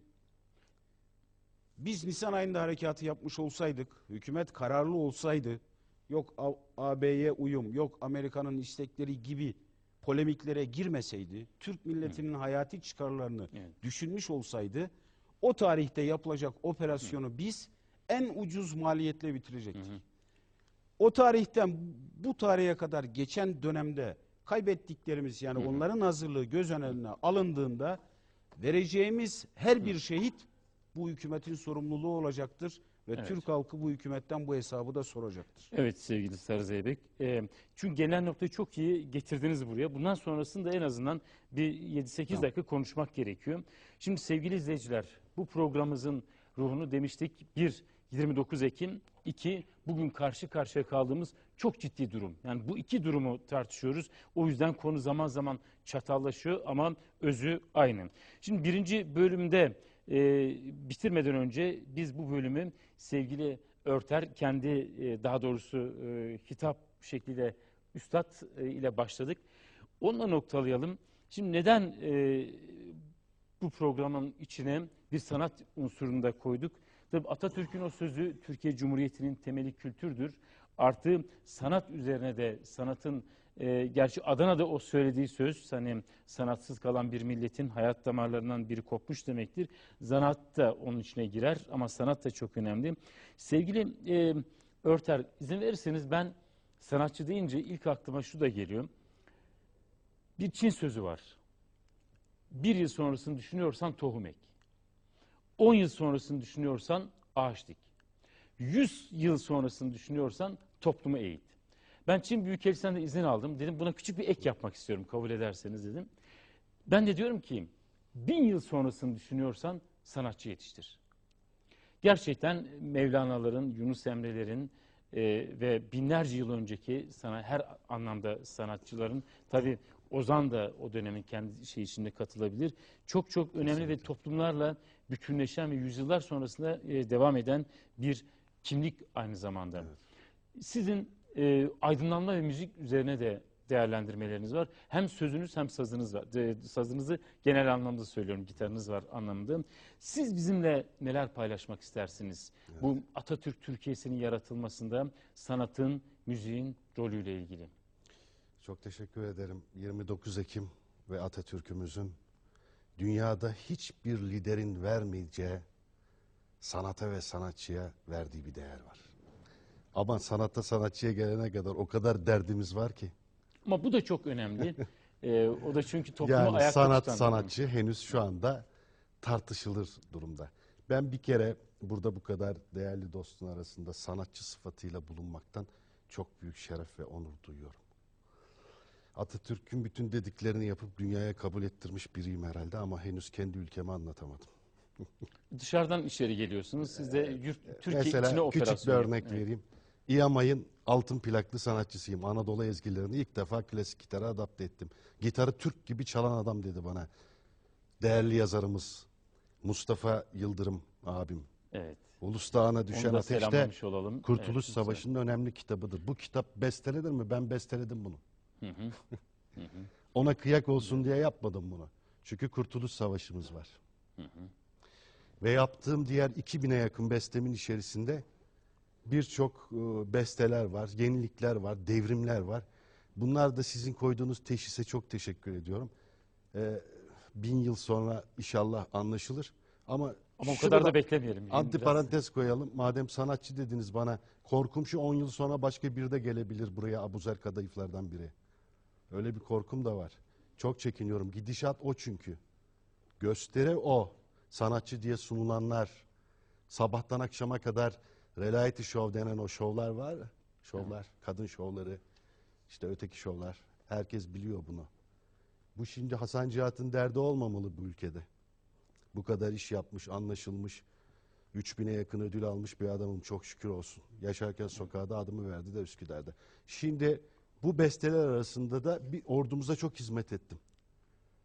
Gittim onlara çaldım komutanlarımızla, generallerimizle şeref madalyaları aldım. Bu açıdan da çok şanslıyım herhalde. Allah'tan internet var. Bunlarda internette Evet, evet. var. Sanatçı tanımınız böyle zor iş. Zor iş, eğitim işi her şeyde olduğu gibi. Ama ne kadar derdimiz var. Daha dini anlayamamışız. İşte Yaşar Nuri Hocam söyledi. Atatürk'ü bu konuda işte solcu sağcı diye betimlemişiz, tanımlamışız. Solcular başka anlatıyor, sağcılar başka anlatıyor. Yani o da başka bir konu beni aşar. E, Büyükelçimiz güzel bir toparlama yaptı. Yani buradaki dostların her bir konusu yani burada tek başına oturup saatlerce konuşulacak olaylar. Ama ben Deniz'in olayına gelirse ben dünyanın en şanslı adamıyım. Türk'üm, Müslümanım ve benim adım Hasan Cihat Örter. Her zaman söylüyorum bunu. Şeref duyuyorum bundan da. Onur duyuyorum. Hı hı. 2000'e sanatçıyım, yakın konser vermiş. Hala bir takım abiler, amcalar, ablalar tanımıyorsa bizi onlar kendi utancıdır o. Aydınım çağdaşım diye gezinip dururlar ya. Ama müsaadenizle lafı fazla uzatmayayım. Çünkü buraya gelmeden önce dostlarım söylediler hocam orada sen misafir sanatçı konumuna düşersin dediler. E dedim az solistler sonradan gelir. Kendime de bir paye çıkardım. Burada misafir sanatçı olmak bile çok güzel. Yok Bugün burada 29 hepimiz Ekim. e, birbirimizin Bugün Cumhuriyet, Cumhuriyet 84 bayramımız, evet. yıl ve Atatürk bana sanatçı olma onurunu, şerefini verdi. Neler vermedi ki? Ve aldığım ödüllerin hepsinde, çoğunda bu var. Ya başka şeyler olsaydı? Aman ya Rabbi. Çok büyük tehlikeler var. Yani o müziklere bir girsem ben, o şimdi asker canı nele isterlerden tutun da yakalarsam muh muhlar. Efendim Allah belanı versin diye bir şarkı trilyon kazandı. Bizim yaptıklarımız heyhat, yaptığımız besteler, marşlar, o katalog Sony müziği kataloğa giren Reformation albümlerim reklam müziklerinde kullandılar. Yani illa bir medyatik mi? Medyatik popüler biri mi yaptığı zaman bir besteyi halkımız duyacak da gerçek bir sanatçı denen adam kendimi buradan soyutlayarak söylüyorum kendime sanatçı diyemiyorum zaten demesinler de böyle gidecekse. Yani ben iyi bir vatandaş olmayı, iyi bir yurttaş olmayı, iyi bir insan olmayı yeğlerim. Bu duyarsızlık böyle gidecekse Atatürk'ümüzün en çok değer verdiği sanat, müzik, tiyatro, Evet. opera. Ya bu, bu, bu kadar duyarsızlıkla ayaklar altına düşecekse yazıklar olsun diyorum. Ama gençlere güveniyorum. Bakın neredeyse üç günde bir konser veriyorum. YouTube'da 400'e yakın klibi olan bir adamım. Gelen çekiyor, giden Ama çekiyor. sizin, de, sizin değerinizi gören bilen de var. Yani değil mi? Yoksa üç Efendim, günde bir konser değerimi bilen- yapamazdınız herhalde. yani. Bilmeyen olsa benim Değil ne mi? işim var Yani, burada şimdi değil mi? burada başka biri oturuyor olacaktı. Evet. ART'ye çok teşekkür ediyorum ama siz de senede bir kere çağırıyorsunuz ben gibileri. Olmaz. Bunu evet, Herkese e, iş sanıyorum Bakın yönetmen efendim, arkadaşlar duyuyorlardır. Sevgili Mustafa dostum, herkese büyük iş düşüyor. Bundan yarası olan, gocunan, sanat adına ahkam kesmesi de gerekmiyor.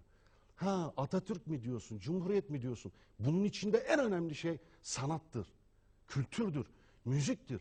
Ne diyor? Duvarlarda yazıyor. Ben birçok Anadolu'nun her yerine gitmiş adamım. 40 yıldır bu işi yapıyorum. 40 yıldır 70 ülkede gezdim. Artık bilenler biliyor bizi. Sanatsız kalan bir milletin hayat damarlarından biri. Ya kardeşim biz aort damarımız kopuk yaşıyoruz ya. Sanat diye sunulanlara bakın şu cennet ülkemizde. Art- Buna yani akort bu damarı şimdi da bunu- bozuk galiba sanatı akordu sevgili bozuk dostum, şeylerle. Bunu burada biz şu dertlere bakın dertlere. Bunu burada Hasan Cihat çözemez. Biraz önce sevgili yönetmenime dedim ki bu program 6 ay gitse 6 ay her akşam belki 6 ayın sonunda öteki amcalar vay anasını be. Önemliymiş ya bu. Biz Çünkü birinci bizde- gün başladık yani. devamlı. Tabii. Bizde bir laf var ya Türk'ün aklı ya kaçarken ya su içerken gelir. ya Bizim da aklımız seçerken son- gelir. bizim ya kaçarken son- ya seçerken o Efendim sözün bizim aklımız özü yani sonradan şeyi. başımıza geliyor. Yani. Orada şakır şakır çocuklarımız 20 yaşında 19 yaşında o anaların gözyaşları beni ne besteler yaptırdı biliyor musunuz? A, Bu, ka- bu zaman mı uyanacağız buna? Yani kahroluyorum. O anaların ızdırapları, o kadınların, çocukların ızdırapları ateş düştüğü yeri yakar. E Peki, şimdi medyadaki Örter. terör ne olacak peki? Evet. Hadi buyurun. Onu ayrıca Medyadaki konuşacağız. terörü kim görecek? Sevgili Medyadaki Örter, terör. 6 ayımız var. Bak her gün ben konuşacağım. Söz, bunu değineceğiz ayrıca ama. Konuşun efendim Şimdi- herkes konuşuyor zaten. Ama ben de icraat lazım. İcraat, İcraat, icraat. aha. İcraat, just do diyor Amerikalı. Yap diyor. Bak ondan canımızı okuyorlar. Tamam. Ben oraları çok iyi Biz bilirim. onlara höst do it diyeceğiz. Ha, Çünkü yok o ama bu kadar bu- kolay olmuyor değil işte bu, bu böyle coğrafyada. Çok birlik Amerika'ya olmamız şey lazım. yapın. eğitim, eğitim, eğitim. O sanat denen şeye en büyük olguya ki biraz deli işidir ama anormal önemli bir iştir. Şunun ağzı dili olsa da konuşsa. Şimdi şunu söyleyeyim de toparlayayım. Dostlarıma böyle bir şey getirdim. Çünkü ben bunu generallerimize Hepimiz- çaldım. evet. Türk ordusuna çaldım. Afganistan'a giden tek Türk sanatçısıyım. Gene o birilerini sanatçı diye sunan e, o büyük büyük yürekleri beş para etmez medyalar söylemediler. Bilmem kimin selülitini duyuranlar, ajdarları bu ülkenin başına bela yapanlar duyurmadılar efendim. Ben de ne yaptım? Ya bir tek Üstad Cemal Reşit Rey'in yazdığı bu 10. yıl marşı mı var yahu? Biz bu kadar mektebi medreseyi niye okuduk? Bu kadar bize sanatçı dediler. Niye aldık bu kadar ödülü? Hava atmak için mi? Veya buradaki değerli dostlarıma Hasan Cihat'ı anlatmak için? Onların onlar zaten bizi biliyor. Her biz bizi biliyoruz ama dostumun dediği gibi dünya da bizi biliyor. Anlattırmıyorlar. Veya seni kabul ediyor, kataloğunu alıyor. Michael Jackson'la aynı payeyi sana vermiyor. Çünkü o Hristiyan. Günahları kadar sevmiyorlar. Buna geçelim dini bir tarafa koyalım da. Cumhuriyet zaten çok güzeldir o konuda laiklik güzeldir. O da anlaşılmış değil. Ben de naçizane tabii bunlar. Keşke daha büyük şeyler yapabilsem. Türkiye Cumhuriyetimizin 80. yılında yazdım bunu. İşte bu şeyleri paşalarımız söyledi. Ya üstad yazsana hocam yazsana. Niye yaz? Halbuki bir sürü beste yaptım binlerce. Marşlar yazdım. Ve bunun gerçek adı Türkiye'dir. Her yıla da affedilebilir. Evet. 10. yıl marşı gibi. Ama çalınırsa olur. Bilmem kimin cıptıs cıptıs şarkılar gibi çalınırsa bu duyar halkımız bilir bunu. Çalınmazsa ne olur? İşte suya yazılır veya bana ödül kazandırır. En büyük sanatçı derler. Tekrar söylüyorum bu kadar duyarsızlık içerisinde ve çok net anlaşılmış bir adam olarak bakın sıfır kilometreden gelmiş bir adamım Evet. ben. Ben sanatçı olmayı kabul etmiyorum. Sanat bu kadar ayaklar altındayken, müzik bu kadar rezilleşmişken. Müsaadenizle yazdığım sözleri bir okuyayım. 80. yılda biz geldik beraber bugüne. Daha nice 80 yıl coşacağız hep seninle. Sen bizimsin sen. Her şeyimizsin sen. Kalbimizdesin sen Türkiye. Umutlarımız, yarınlarımız, tek yurdumuz sen, sen Türkiye. Tek yurdumuz yok başka. nice zorlu şartlarda el ele olacağız biz. Bugün olduğu gibi. Atanın büyük yüzünde yürüyecek her ferdimiz. Sen bizimsin sen. Lütfen burayı hep beraber söylersek çok mutlu olacağım. Küçük bir prova yaptık dostlarla. Ama müzik eşini onunla Tabii, arayı verelim. tabii. Ha, tamam. Sen bizimsin sen. Her şeyimizsin sen. Kalbimizdesin sen Türkiye. Umutlarımız, yarınlarımız. Tek yurdumuz sen Türkiye. Unutulmaz bu topraklarda yatan. Yaşayacak sonsuza dek bu vatan. Kanımız, canımız, anamız, babamız Türkiye. Müsaadenizle güzel. ben bunu ayağa kalkarak okumak istiyorum. Müzik ve arayı bu şekilde veriyoruz. Sizin bu hep sözünüzle beraber- birlikte arayı veriyoruz sevgili arkadaşlar. da Ricam sanıyorum. olur. Düzen ona Nakaratı da göre. Evet. söylersek onun için bunları getirdim. Sizin Bu Türkiye Fakirin de marşıyla hediyesidir Evet. ülkesine. evet. Evet, hep beraber yaptığım orkestrasyonla bu güzel Müzikte olacak değil mi 29 arkadaşlar? Ekim'de, Onu düzenliyorlar sanıyorum. evet, ilk başta çalınan Tamam. eserdi zaten. Onunla da Tabii. açtınız. Çok teşekkür ediyorum. Evet.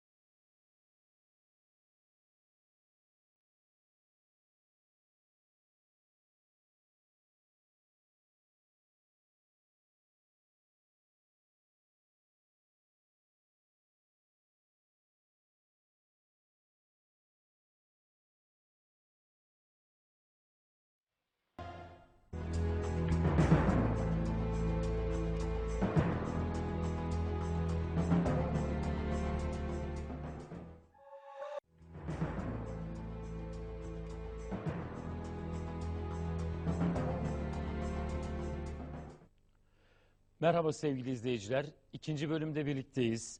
Ee, ikinci bölümde e, birinci bölümdeki bu saptamaların, durum değerlendirmelerinin ve bu noktaya nasıl geldik sorusuna verdiğimiz yanıtların devamında ne yapmalıya ağırlık vermek istiyoruz. Birinci bölümde ben sevgili Sümer Hoca ve e, Hasan Ünal Hoca'ya daha az e, söz hakkı tanıdık başlangıç nedeniyle. Şimdi onları daha eşitlik, daha demokratik hale getireceğiz. E, artı eksi onar dakika onlar konuşacaklar. Sonra 8'er dakika diğer konuşmacılarımız e, ne yapmalı ağırlıklı olarak görüşlerini sizlerle paylaşacaklar. E, bir saat içinde de programı bitireceğiz. Tekrar ediyorum özel bir program 29 Ekim nedeniyle ve bugün Türkiye'nin içinde bulunduğu durumun bütün yönleriyle sizlerle paylaşmaya çalışacağız. Şimdi sevgili Sümer Hocam siz e, aslında konuyu kimliğin önemine değindiniz. Atatürk'ün yarattığı bu bir kimlik e, üzerine genel hatlarıyla konuştuğunuz zaman bugüne taşımakta e, zaman vermedik size. Bugün nasıl bir kimlik siyaseti, kimlik üzerine siyaset nasıl yapılıyor? Bu konuda Türkiye'ye yönelik planlar, hedefler neler? Türkiye neler yapmalı? Bu çerçevede sizlerin görüşlerinizi alalım hocam. Çok teşekkür ederim. Ee, daha önce söylediğimiz gibi kimlik aslında tanımladığımız en temel öge, dayandığımız ayak sosyal kimliğimiz. Şimdi Cumhuriyet bir kimlik inşası yaptı dedik. Ancak bu inşanın daha sonra Cumhuriyet değerleriyle kaynaşması, demokraside bütünleşmesi için belli yollardan, belli deneyimden geçmesi gerekiyordu. Bu geçiş sürecinde en büyük tehlike kimliğin kendisinin siyasi olmasıdır. Yani siyasette çok önemli faktör vardır. Demokrasi genel bir yarışmadır ve yarışmada en önemli kural basitleştirerek söylemek istiyorum. İktidar performansının değerlendirilmesidir. Bu değerlendirme ne kadar nesnel olursa, bu değerlendirme ne kadar kimlikten, sembolden, dinden uzak olursa o kadar yaratıcı olur. Geliştirir bu nedenle. Ne kadar etnisiteye, dine dönerse o kadar geriletir. Bundan bahsettik biraz önce. Son 30 yılda Türkiye'de biraz üzerine inmek istiyorum. Demokrasinin gelişimi içerisinde kimlik üzerinden siyaset yapmak iki ayakta yanlış yolda ilerlemiştir. Bunların bir tanesi din üzerinden siyaset, ikincisi etnik köken üzerinden siyasettir. Çünkü bu durumda buna dayanarak yapılan bir seçimde, buna dayalı kurulan bir partide, buna dayalı verilen bir oyda bir performans değerlendirmesi yoktur. Bir sembole bağlılık vardır. Bu nedenle insanlar bağlı oy verirler. Bu demokrasi değildir. Çünkü demokrasinin olması için özgür birey olacak, özgür düşünce olacak ve özgür değerlendirme olacak. Değerlendirme özgür değildir kimlikte. Çünkü herkes bağlı olduğu kimliği üstün görmek için, onu hakim kılmak için, onu egemen kılmak için oy atar. Bu nedenle onu yöneten insanları ne yaptığına değil de ne kadar onu temsil ettiğine bakarlar. Bu yanlış işte düşmüştür Türkiye. Ama bu düşme Türkiye'de e, belli kırılma yol açtı. Ancak bu kırılma bana göre çok hayati, tehlikeli bir kırılma olmayabilir. Henüz bunun sonuna gelinmemiştir. Niye bunu söylüyorum? Çünkü Anadolu kültüründen gelen, bunu Yaşar Hocam çok güzel bahsetti. Aslında 80 yıllık değil, bin yıllık bir hoşgörü, bin yıllık bir kaynaşma, bin yıllık bir öz yönetim anlayışı var. Bu anlayış kendini test edip yerine yaratabiliyor. Ancak demokratik gelişimde bu kimlik siyasetini önlemek gerekiyor. Bunun yolunu bulmak gerekiyor. Şimdi burada bir noktaya değinmek istiyorum. Çünkü kimlik siyasetinin arttığı yerde birkaç tehlikede karşılaşıyoruz. Birinci tehlike ayrımcılıktır. Çünkü kimlik siyaseti ben başkası ayrımını yapar.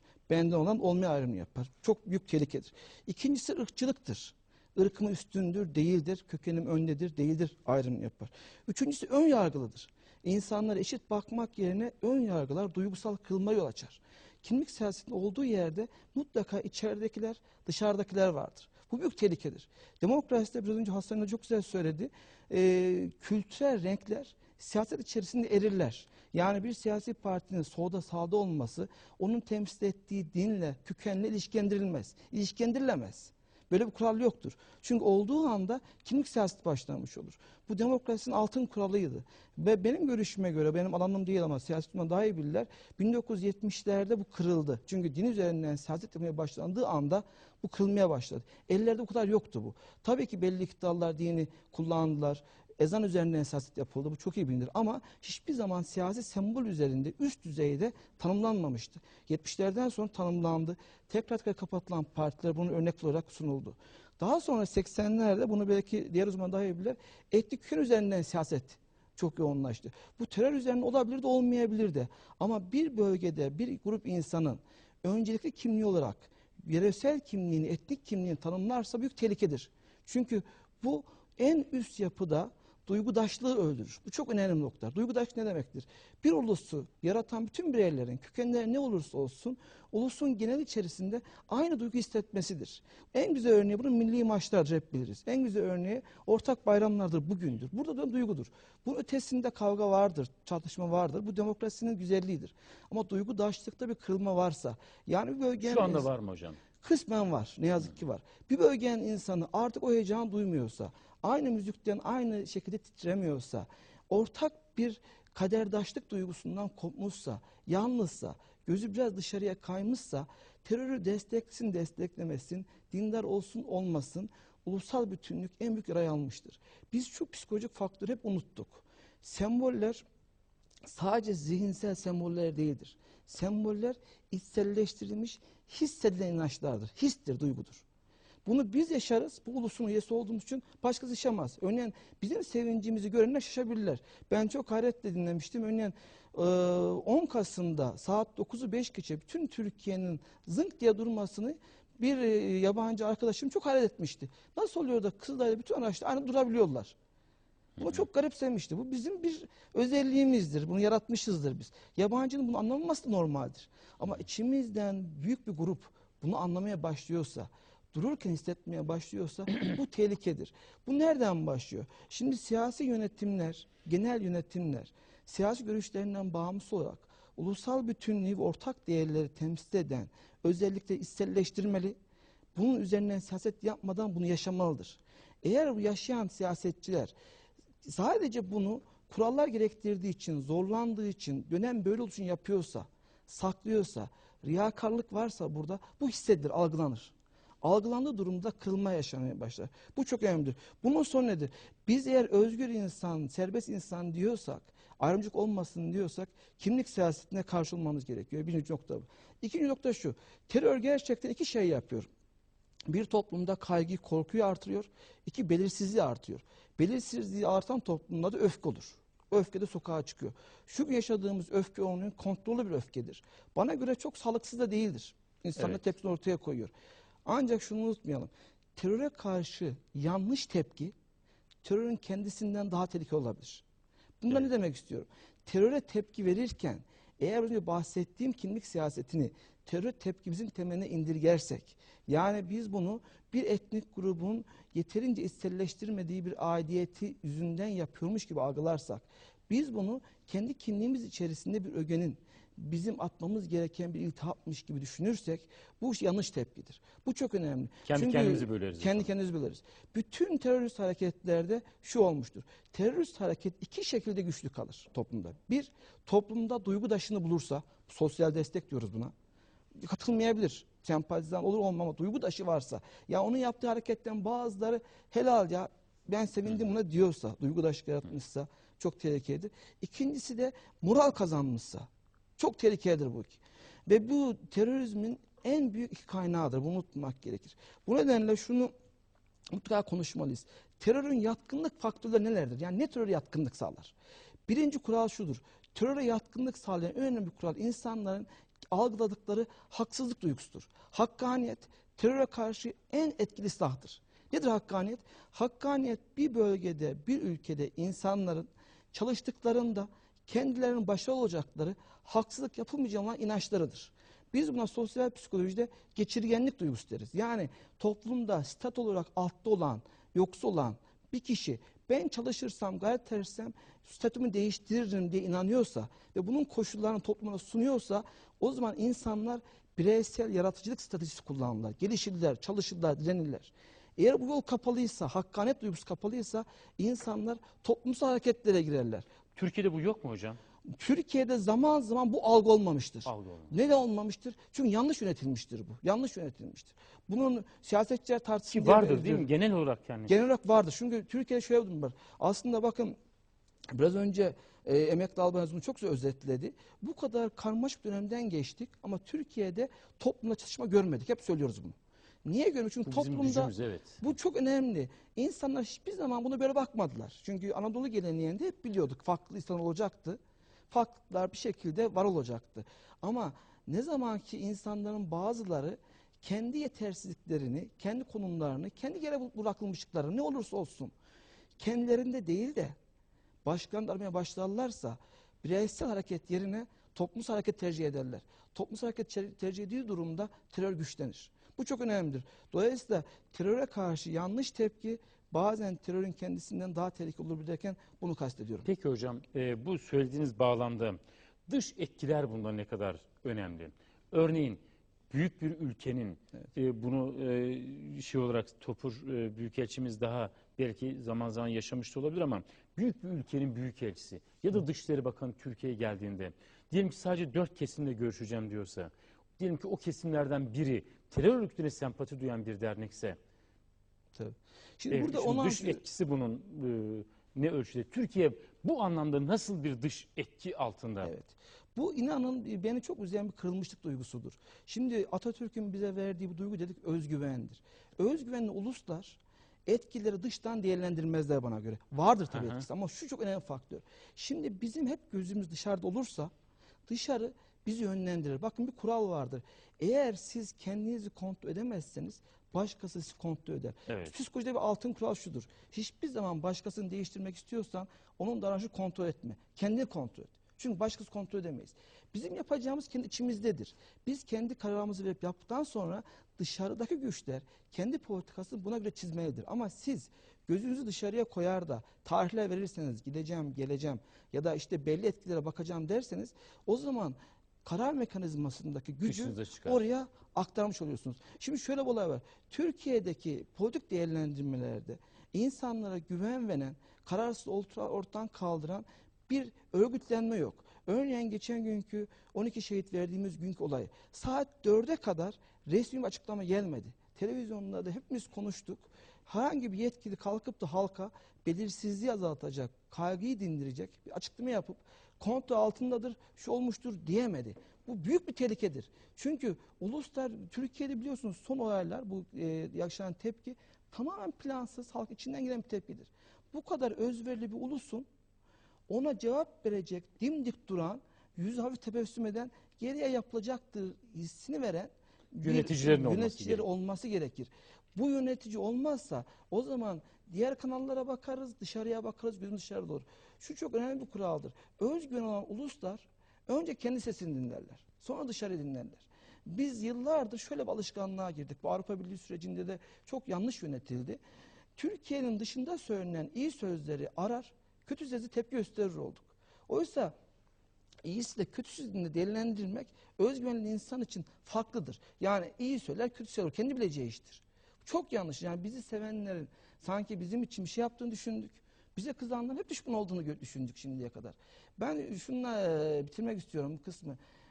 Uluslara güven verirken kendi yöneticilerin ne kadar kendi potansiyel olduğunu, kaynağı olduğunu ve ne yapabileceği konusundaki yeterliliğini hissetmesi gerekir. Şimdi bizim potansiyelimizi, yeterliliğimizi, bu birikimimizi yansıtacak bir anlayışı, bir sembolü, bir zihinsel temsili kafamızda göremiyoruz. Bu büyük bir kaygı yaratıyor toplumda. Bu neden hocam? Bunun temelinde ne Bence görüyorsunuz? şu biraz arada konuşmuştuk hocamla. Biraz şundan. Biraz siyasi yöneticilerin e, kısmen sorumlulukları var. Mi? Yani E, Basiretten çok yaptıkları işlerde samimiyetsiz olmaları. Yani bazı işleri göstermek için yapmaları, günü kurtarmak için yapmaları. Bir bu. İkincisi de gerçekten de siyasi olgunluk, siyasi olgunlukta dürüstlük ve etik çok önemlidir. Etik değer ne demek? Etik ahlaktır biliyorsunuz.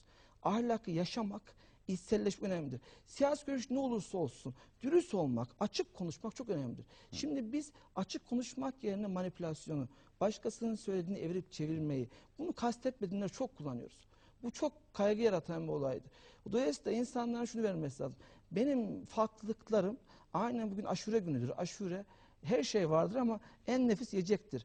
Ve bu alaşım, bu aş- alaşım benim bir potansiyelimdir, kaynağımdır ve ben onu temsil ediyorum. Onu temsil eden size bu güveni veriyorum demesi gerekir. Bunu derken de şunu yapmamalı. Bir korkuyu kullanmamalı. Kaygıyı kullanmamalı ve kimlik siyaseti yapmamalı dediğimiz gibi. Demokrasinin temel kuralını uygulamalı. Peki hocam bu bağlamda Atatürk nasıl bir kimlikti? Atatürk bunu. Atatürk biraz önce konuştuk. Halkın içerisinden bir kimlikti. Atatürk'ün bir siyasi görüşü vardı. Atatürk'ün bir dünya görüşü vardı. Bir yaşam biçimi vardı. Ama onu seven millet hiçbirini eleştirmedi. Bununla benim Atatürk'üm dedi. Çünkü Atatürk ne olursa olsun, nereye giderse gitsin onun bir parçası onu kendisi gösterdi. Bu çok önemlidir. Ve burada şu vardı. Anadolu'nun yaşam biçimi, kültürü, yoksulluğu, varsıllığı her şey onun içindeydi. Ve bu güvenle yarattı. Ben biraz önce bu 15 yıl örneğini verirken çok hakikaten düşünün bir e, bu Newt Gingrich Amerikan eski biliyorsunuz Cumhuriyetçilerin döneminde senato başkanıydı. En büyük de Atatürk'tür diyor. Niye diye sormuşlar. Çünkü hiçbir lider 6 ayda bir ülkenin dilini değiştiremez. Ben inanamadım. 6 aylığına gazeteler iki dilde yayın yapıyorlar. Daha sonra bir dil tam ortadan kalkıyor ve bir ulus Bir yeni dili kullanıyor. alfabeyle, İlginç evet. olan nedir? Ona karşı olanlar da o yeni dili kullanmak durumunda kalıyorlar. Şimdi bu, şimdi düşünemeyeceğiniz bir şey. Atatürk budur işte. Yani içeriden biridir, yaşayan biridir, dönüştüren biridir. Tabii o dönem e, hocam e, o anıları siz de okumuşsunuzdur. Atatürk çevresindekilere soruyor. Bu alfabe değişimini ne kadar zamanda yapabiliriz diyor. Diyor ki efendim diyorlar 5 yıl gibi bir zamanda ancak olabilir. Atatürk diyor ki bunu 3 ay içinde ya yaparız ya da Ya yapamayız yapamayız diyor. diyor. Gerçekten Ama kara tahtanın başı kendisi geçiyor, geçiyor. biliyorsunuz. O Ve kara tahtanın başına da İstanbul'da geçiyor ki buna karşı olanların en Evet, çok evet. olabileceği yer.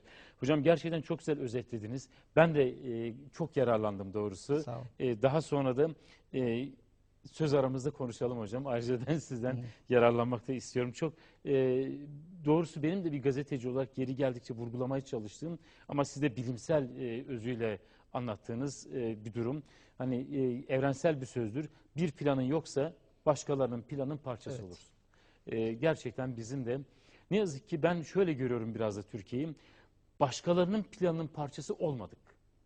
21. yüzyıla göre de bir plan yapamadık Evet. gibi bir aradayız sanki e, görünen. Şimdi sevgili Hasan Ünal hocama döneceğim. E, yine bu konuştuklarımız bağlamında ama hem e, sevgili Sarı Zeyben hem e, Topur'un hem sizin uluslararası e, siyaset kimliğiniz var, uluslararası ilişkiler kimliğiniz var ve Türkiye'nin karşı karşıya kaldığı sorunları e, irdelemek üzere de çalışmalarınız var. Siz nasıl e, yorumlayacaksınız? Ne yapmalıyım ve içinde bulunduğumuz durumun karmaşasını? Şimdi ne yapmalıyı tespit edebilmek için ne yapmalı sorusunun üzerine e, ne yapmalı sorusuna cevap verecek bazı stratejiler üretebilmek için neyle karşı karşıya olduğumuzu iyi anlamamız lazım. E, mesela şimdi şu anki yaşadığımız sorunların özü şu iki cümlede özetlenebilir. Nedir? Türkiye Cumhuriyeti Devleti'nin milli devlet yapısına, ulus devlet yapısına yönelik şiddetli taarruzlarla yüz yüzeyiz. Bu saldırıların bir kısmı dışarıdan iki ayaklı geliyor. Bir ayağında Amerika Birleşik Devletleri'nin Orta Doğu politikaları var. Öbür ayağında Avrupa Birliği'nin Türkiye'yi tırnak içinde demokratikleştirme adı altında e, çok milletli bir sisteme e, sürükleme çabası var. Bunu güzel kelimelerle anlatıyorlar. Çok kültürlük diyorlar işte gayet güzel mozaikler oluşabilir, çiçek bahçeleri olabilir, bilmem ne olabilir filan gibi laflarla süslüyorlar. Avrupa Birliği'nin zaten bütün bu konulardaki uygulamaları hep böyledir. Güzel sözcüklerledir.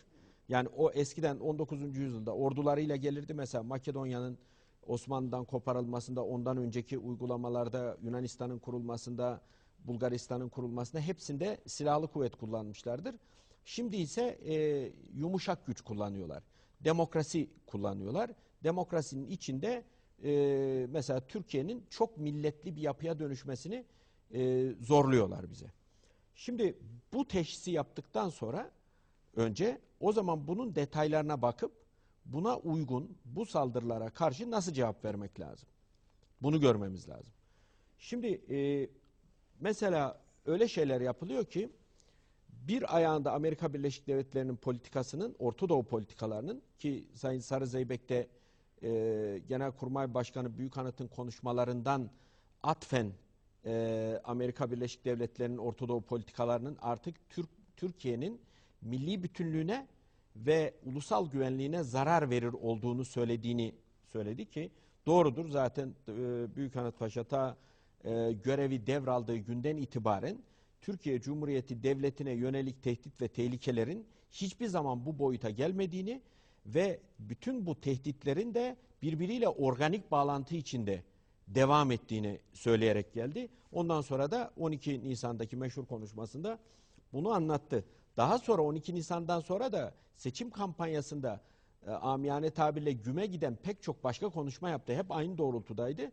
Ve bunların bir özelliği de gene- e, görevdeki bir genelkurmay başkanının ilk defa müttefikimiz, güya müttefikimiz Amerika'yı bu sertlikte eleştirmesi oldu. Yani görevdeki bir genelkurmay başkanının. Zaten Bu ayrıldıktan görevden, sonra söylemek daha kolay. hayır, Ama ayrı- görevde söylemek Yo orada da bir şeyi isteyen bir tespit şey. edelim. Ayrıldıktan sonra konuşan genelkurmay başkanı hemen hemen hiç olmamıştır. Bir önceki İlmi Özkök hariç. O da her nedense görevdeyken hiç konuşmadı. Hemen hemen hiçbir şey yapmadı. Bütün bu bize yönelik tehditlerin tehlikeye dönüşmesine sebebiyet veren uyutma politikalarına destek verdi.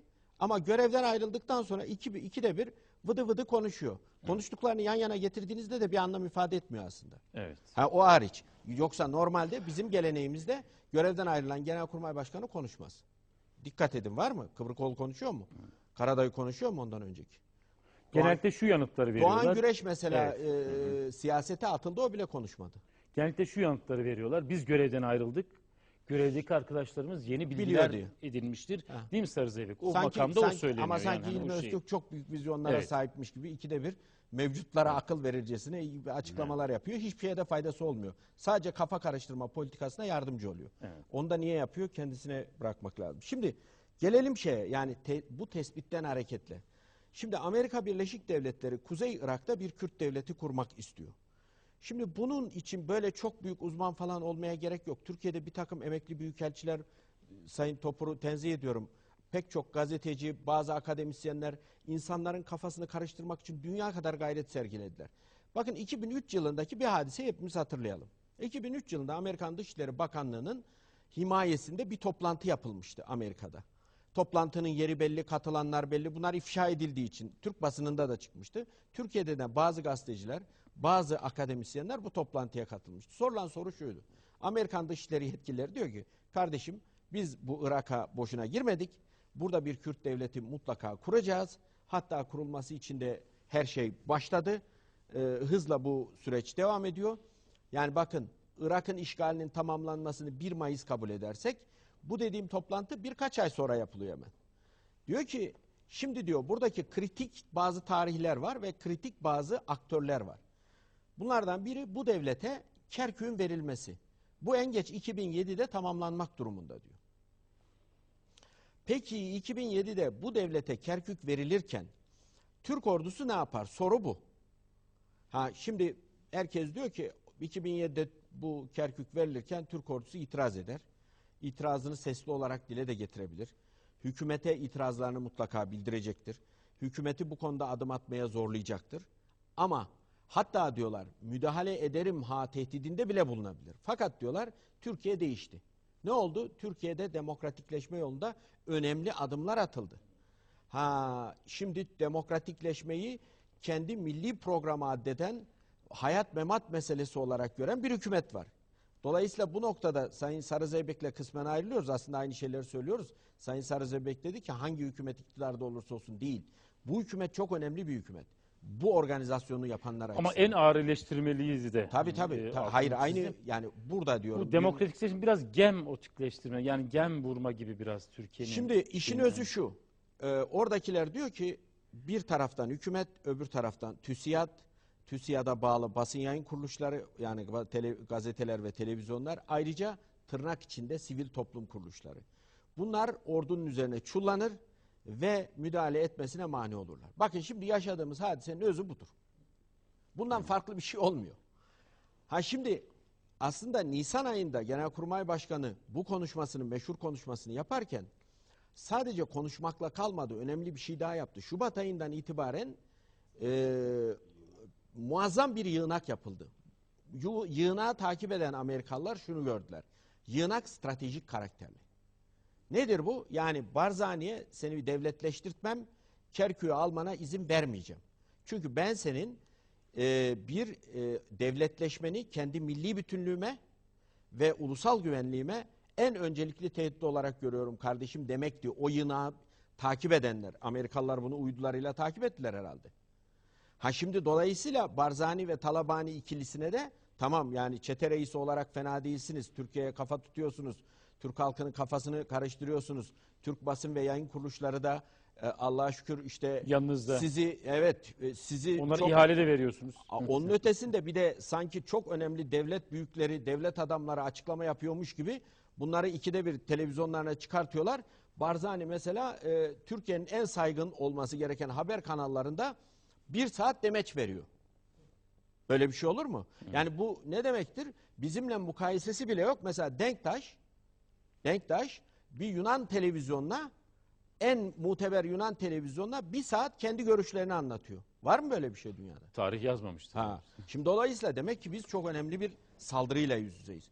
Saldırının bu ayağında şimdi mesela bazen şunları söylüyoruz. Diyoruz ki medya görevini yapmış olsaydı. Efendim medya görevini yapıyor Türkiye'de. Görevi o. Görevi o. Nedir görevi? A. e, medya olup biteni halktan gizleme göreviyle yüz, e, görevini yerine getiriyor. B. Haberleri sapıtma, e, dezenformasyon dediğimiz bilgi kirliliği yayıyor. Yapıyor bunu. Muazzam. Yani bu konuda dünyanın en başarılı medya kuruluşları bizde. Ben e, kesinlikle iddia ediyorum en başarılıları bizde. Bakın en önemli konuların tartışılması gerektiği e, ve güya bizim en saygın olması gereken NTV gibi haber analiz kanallarımızda e, en önemli saatlerde ne yayınlanıyor? Efendim bir e, eski sanatçının gazozunun fi tarihinde kim açmış? Evet. Bu peki tesadüf mü? Cumhuriyet mitingleri yapıldı Türkiye'de. Bir şey gözden e, kaçırıldı o mitinglerin yorumlanmasında. Biliyor musunuz dünyada o büyüklükte mitingler hiçbir yerde yapılmadı. İkinci Dünya Savaşı'nı sona erdiren e, barış anlaşmaları öncesinde mesela Londra gibi yerlerde büyük mitingler yapıldı. Bir milyon kişiye zor ulaşmış. Dünyanın en kalabalık mitingleri yapıldı. O mitingleri, o mitinglerin ruhuna, fikriyatına inanmayan kişilere yorumlattırdı aynı Evet. televizyonlar. Bu tesadüf müydü? Değil tabii. Şimdi bir şey daha söyleyeyim. Gene Amerikalıların kendi yazdıklarıyla 2004 yılında Amerika'da e, Amerikan e, devlet kuruluşlarından sızan bilgileri yazan Amerikan basını şunu diyordu. Şimdi e, psiko- e, Pentagon'un psikolojik hare- harekat dairesi 440 milyon dolar civarında bir parayı bizim de içinde bulunduğumuz Orta Doğu ülkelerinde harcıyormuş. Demokrasiyi geliştirmek için. Demokrasiyi geliştirmek tabii orada açık söylüyor. Diyor ki Amerika'nın çıkarlarına hizmet maksadıyla diyor. Ama diyor işte demokrasi bilmem ne çok kültürlülük işte sivil toplum falan geyiklerini kullanıyoruz bunun içinde diyor. Şimdi diyor mesela Irak gibi Afganistan gibi ülkelerdeki yazı başına 10-15 dolara iniyormuş. Başka ülkelerde 2000 dolara çıktığı vakiymiş. Kimse bu ülkeler bilmiyoruz. Borsa yükseliyor yani. Bilmiyoruz. Şimdi bütün bunlar tesadüf mü o zaman? Değil. Ha Peki ne demek ki medya Hasan görevini Hocam? yapıyor. Evet. Şimdi işin Türkçesi şu. Türkiye bu e, Mustafa Yıldırım Bey'in kitabında gayet güzel izah ettiği gibi sivil bir örümceğin pençesine alındı. Alandayız. Ki Mustafa Yıldırım ülkenin sağlığını kendi sağlığından önemli tutmuş Evet. bir Şimdi bak araştırmacımız olarak saygıyla nedir bu? selamlayalım. Nedir bu? Türkiye'ye demokrasi adı altında bölmek, ulus devlet yapısını bozmak, Kuzey Irak'ta kurulacak Kürdistan devletine, Kerkük'ü alacak olan o Kürdistan devletine Türkiye'nin içinden büyük bir demokratikleşmenin en tabii sonucu olarak büyük bir Kürdistan eyaleti eklemeyi amaçlıyor. Yani işin özü bu. Şimdi işin özü bu olduğuna göre o zaman bizim buna karşı çıkacak stratejilerimizi buna inşa etmemiz lazım. Nedir? Demek ki birincisi bizim kardeşim esas meselemiz Barzani'nin kurmakta olduğu devlet yapısıdır. Bizim bu devlete izin vermememiz lazımdır. Ve bu ciddi bir şeydir. Ha bunun için bizim elimizde hukuki gerekçelerimiz var, siyasi gerekçelerimiz var. Biz 1926 anlaşmasıyla Musul vilayetini Irak devletine verdik. Eğer Irak devleti ortadan kalkıyorsa bu dev- bu topraklar oradaki iki Tartışmalı tane hale çete reisinin yani kapanın elinde kalmaz. Tıpkı Kıbrıs'ta olduğu gibi Kıbrıs'ta İngilizler ne demişti? Rumlar çete faaliyetine giriştiklerinde e, İngilizlere karşı İngilizler dediler ki bir dakika biz burayı sizden almadık. Yunanistan'dan almadık ki Yunanistan'a verelim Enosis'le. Biz dediler burayı Türkiye'den aldık. E Türkiye'ye bir soralım o ne diyor diye. Bu süreç aynen böyle olur. İkincisi, ikincisi e, Türkiye'nin içinde mesela biz şimdi sınır ötesi operasyona takıldık. Bu çok önemli bir şey. Bunun mutlaka yapılması lazım. Bir kere değil. Be, beş kere, on kere, yirmi kere, elli kere ihtiyaç olduğu oranda yapılması lazım. Ama sınırın içindeki terörle mücadeleyi nasıl yapacağız? Terörle mücadele kanunları kuşa çevrildi. Niye kuşa çevrildi? Çünkü Türkiye'deki teröristin siyasi amaçlarına uygun bir şekle getirildi. Bunu kim tavsiye etti? Avrupa Birliği tavsiye etti. Peki bu hükümetin burada stratejik bir fonksiyonu yok mu? Pek tabii ki var. Şimdi bir başbakan düşünün ki PKK'lıların siyaseten savunduklarıyla neredeyse kelime kelime örtüşen görüşleri senelerce Türk milletine dayatmaya çalışsın. Ne diyor? Efendim diyor burası diyor Türklerin memleketi değil ki sadece. Ya işte burada diyor Türkler var, Kürtler var, Araplar var, Çerkezler var, Lazlar var, Gürcüler var. Sonra diyor ki 56 millet var diyor. Bazen 36 diyor, bazen 56. Borsa aklına gelince 56 diyor, yükseltiyor. Yani Evet, enflasyon bazen aklına gelince 36 diyor, bazen Yani 56 şey. diyor. Hayır 56 falan da çok ilginç. Avrupa Birliği adına burada Türkiye'yi paramparça nasıl edilir diye bir araştırma yapıldı. Orada 56 milletten bahsediyor. Onun içinde ne var? Mesela diyor ki Türkmenler var, Yörükler var, sonra dönüyor. Avşarlar var, Bozoklar var, bilmem neler var, Kendi içinde de var. Karakeçiller var, Akkeçiller var, bilmem ne koyunlar var, öteki koyun. Hepsini sayıyor. Yani başbakan onların hepsini sayamıyor ama yani rakam ilginç. Boşuna söylenmiş gibi görünmüyor. Evet. Şimdi o zaman e, burada ilginç bir durum var. Demek ki bu hükümetin bütün bu faaliyetlerle stratejik bir bağlantısı var. E zaten bu hükümetin baş danışmanlarından biri de Amerika'ya gidip ya bizi kullanın demedi mi projelerinizde? E Amerika nerede kullanacak? İnşaat yapıyor da işçilik mi yaptıracak e, affedersin size? Ya bir projesi var Orta Doğu'ya yönelik. Şimdi işin Türkçesi e, Sayın Büyükelçi Topur küreselleşme fikriyatını çok güzel özetledi. Neokonların bu küreselleşme fikriyatına Orta Doğu'yu acilen nasıl ekledi- eklediklerini ve burada bir proje ürettiklerini gayet güzel izah etti. Şimdi bu Orta Doğu, Büyük Orta Doğu projesinin içinden çıka çıka Büyük Kürdistan çıktı. Yani kabul edelim ki artık bu. Şimdi bizim bu Büyük Kürdistan fikriyatıyla mücadele etmemiz lazım. Şimdi PKK Büyük Kürdistan kurulurken bizi meşgul etmek için ortaya çıkarılmış bir unsur. Kendi içlerinde de ufak tefek anlaşmazlıkları olabilir. Ama esas stratejideki yeri bu. Şimdi o halde biz sadece Hasan Hocam toparlarsak. topluyorum sadece PKK Hı. ile Konu yani, yeterince dağınık zaten sizden Ya- kaynaklanmıyor ama e, yani son şeyler alırsak. esas bize yönelik stratejik tehdidin taktik unsuru olan PKK ile mücadele edip ötekilerden vazgeçeceksek o zaman çok tehlikeli bir yoldayız. tehlikeli demektir. olmuş olur. Nitekim şu anda öyle bir yol var. Yani e, mevcut hükümet ve ona destek veren fitne fesat medyası bir yandan, yaygın medya bir öbür taraftan efendim işte Barzani devletini kursun, 3-5 PKK'lıyı oradan toplasınlar, bize versinler falan filan. E ne olacak ondan sonra? O 3-5 PKK'lıyı da Avrupa Birliği bir süre sonra e, kravat taktırtıp milletvekili yapacak burada. Evet. Yani bu mantıkla bu iş gitmez. Ve şunu anlamak lazım. Eğer Türkiye Cumhuriyeti'nin milli devlet yapısı bir kez sulandırılırsa, bir kez sulandırılırsa bir daha geriye dönüşü çok daha e, büyük faturaya mal olur. Son bir cümle. Şimdi biraz tarihi nosyonu olanlar şunu iyi hatırlarlar. Yunanistan kurulurken 1830 yılında, Sırbistan ilk otonom bölge olarak kurulurken 1813 yılında o zamanki Avrupa'nın büyük devletleri bize şunu diyorlar. Diyorlardı ki efendim küçücük Yunanistan, minnacık Sırbistan ne olacak ya? Bunları siz elinize alırsınız. Siyasi, ekonomik, değişik enstrümanlarla istediğiniz gibi yönlendirirsiniz. Bunların size karşı çıkacak halim var.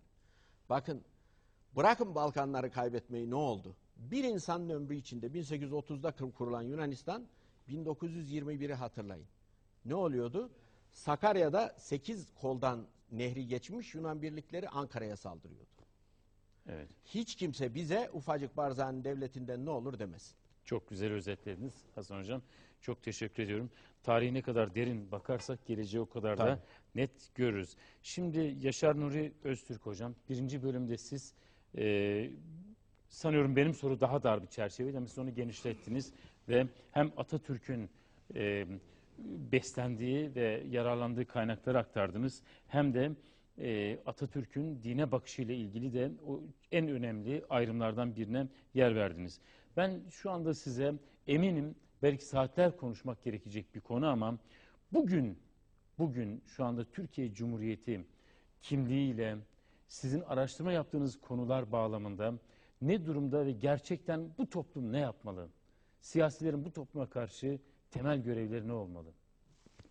Şimdi sevgili Mustafa Bey, burada şimdi iki kulvara işi böldük, Evet. böldünüz.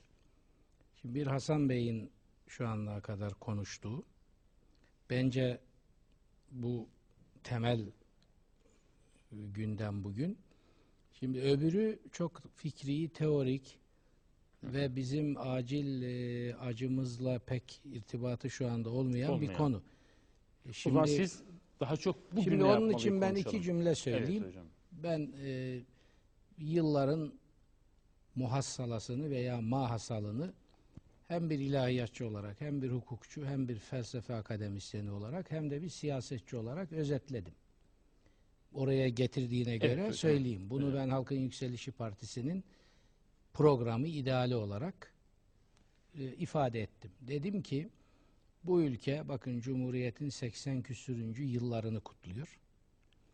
Ama hala bir kavga var ve bu, kavga artık dışarıdan da istismar ediliyor. Nedir o? Omurgada olan kavga. İslam'la Mustafa Kemal mirasının tartışması. Laiklik filan bunun işte güncel e, ifadeleri veya enstrümanları.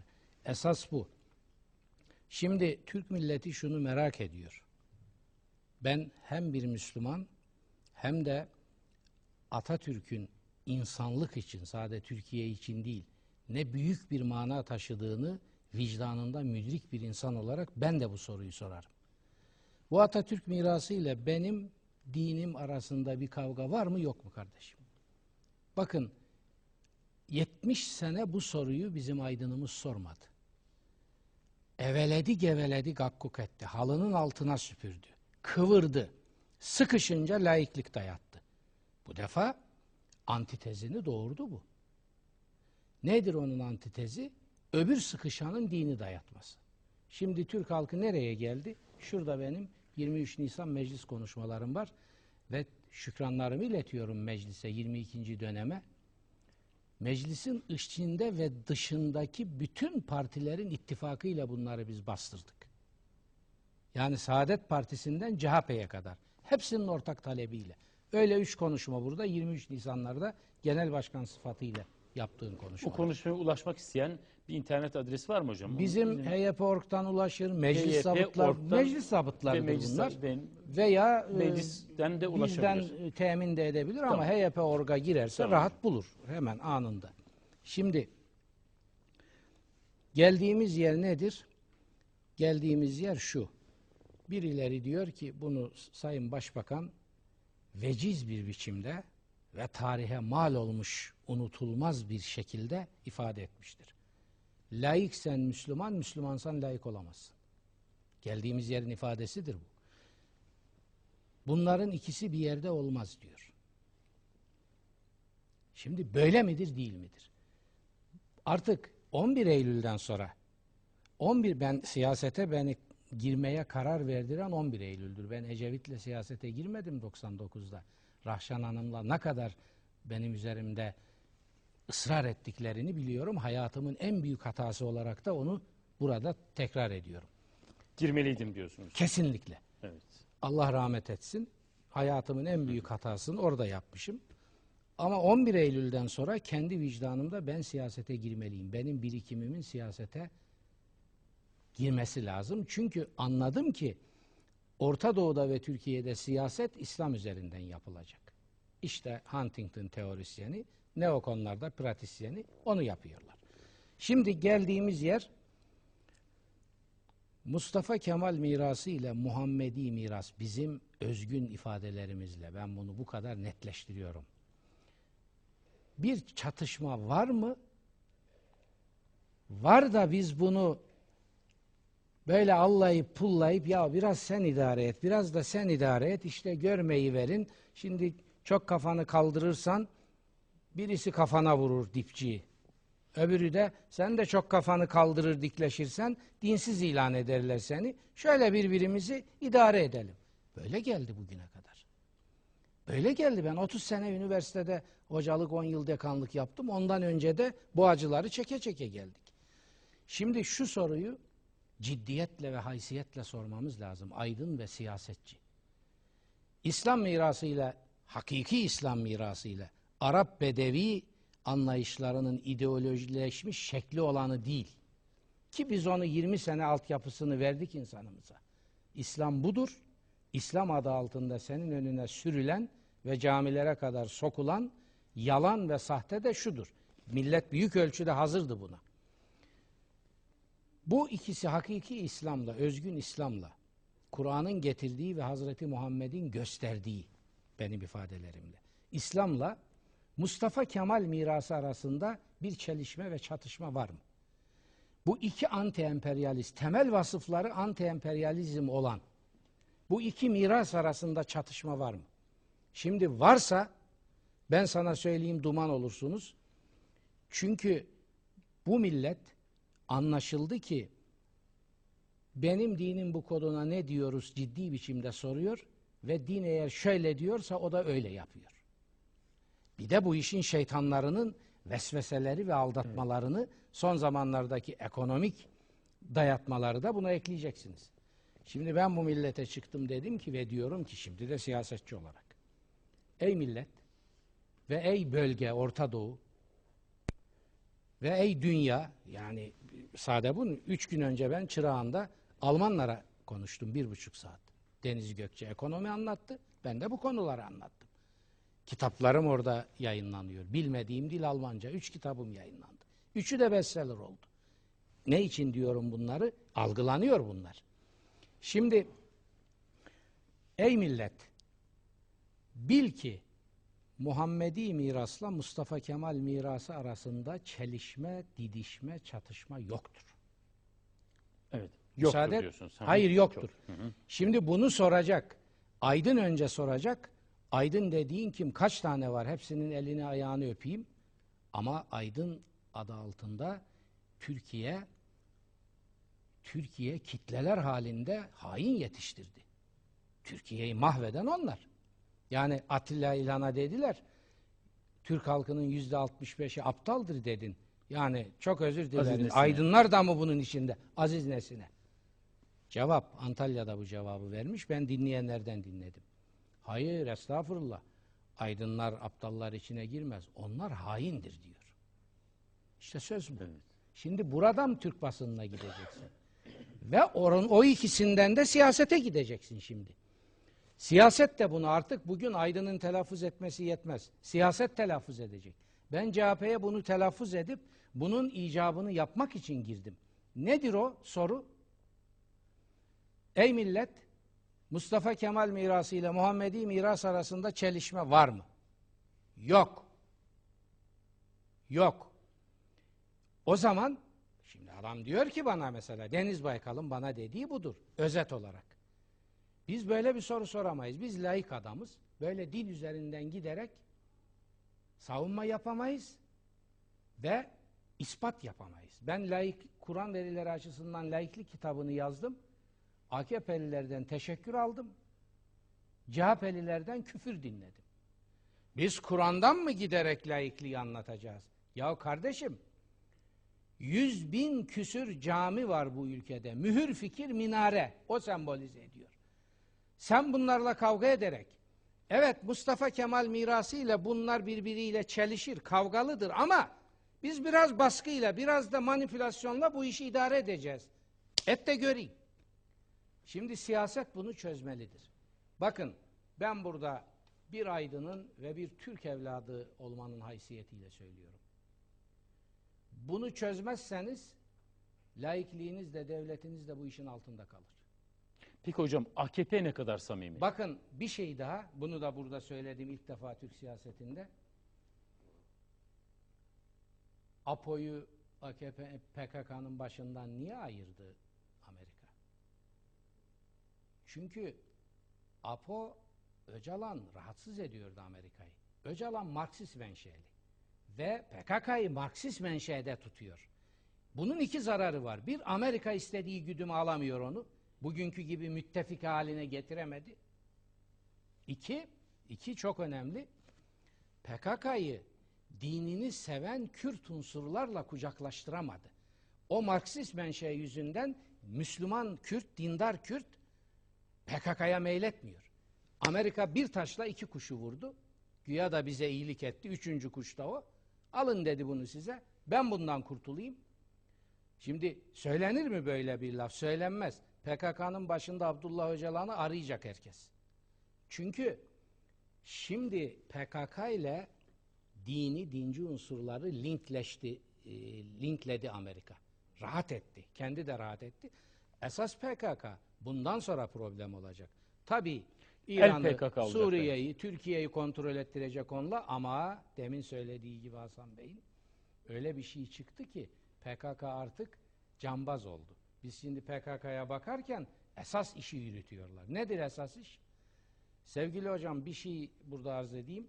1926 Antlaşması dediniz. Sizi bilmiyorum ama Türk siyasetinde ve Türk parlamentosunda bu konuyu ilk telaffuz edip gündeme getiren parlamentoda 18 Ocak 2007'de bendenizdir. 9 Şubat'ta benden 20-25 gün sonra bizim basın bildirimizden bir iki paragrafı da aynen alarak bunu deklarasyona dönüştürdü Abdullah Gül, bugünkü Cumhurbaşkanı. Yaptı ama biz sevindik, tamam dedik. Meseleyi damarından yakaladı. Buradan gidilecek. Kıbrıs'ta örneği var. Şartlar doğmuş. Oradan gideceğiz. O bildiriler burada. Metinleri de. Fakat Abdullah Gül beyefendinin bir daha ağzından böyle bir şey çıkmadı. Çünkü kulağını büktüler. Sen ne halt? Bu da nereden çıktı diye ve gitti. Şimdi gündeme geldi. Benim ismime de atıf yapıyorlar. Sağ olsunlar orada burada. Şimdi bu 1926 antlaşmasından yürüyerek bizim Birleşmiş Milletler tahammüllerinde işleterek, şimdi ben hukukçu olarak bunu burada tabii ayrıntılarım ama vaktim yok ona. 1926 İngiltere, Türkiye arasında ve Irak arasında yapılan bu Ankara Antlaşması 1932, 1936, 1946'da teyit edilmiştir. İkisi mektup taatisi suretiyle, sonuncusu yüz yüze. Yani bugünkü sınır Irak'la anlaşmalıdır. Irak lehine biz o toprakları sınırlarımız dışındaki topraklar diye terk ettik. Statüsü bu. Bu Birleşmiş Milletler'de tescilli. Kıbrıs'ta öyleydi. 1955'te İngiltere ben egemenlik hakkımı kullanmayacağım deyince biz üstüne atladık. O zaman o bize döner dedik. Ve döndü ve garantörlüğümüz oradan çıktı. Burada da aynı şey var. Ama bunu telaffuz edecek devlet lazım. Şimdi son bir şey söyleyeyim. Evet hocam. Susabilirim. Estağfurullah. Hı hı. Bu hükümetle bu iş olmaz. Evet. Bakın siyaset devlet adamı yetiştirmek içindir. Hepiniz Hasan hocam bunun zaten uzmanıdır. Devlet adamı hükümetleri idare eder, hükümetler de devleti temsil eder. Siyaset devlet adamı yetiştiremiyor.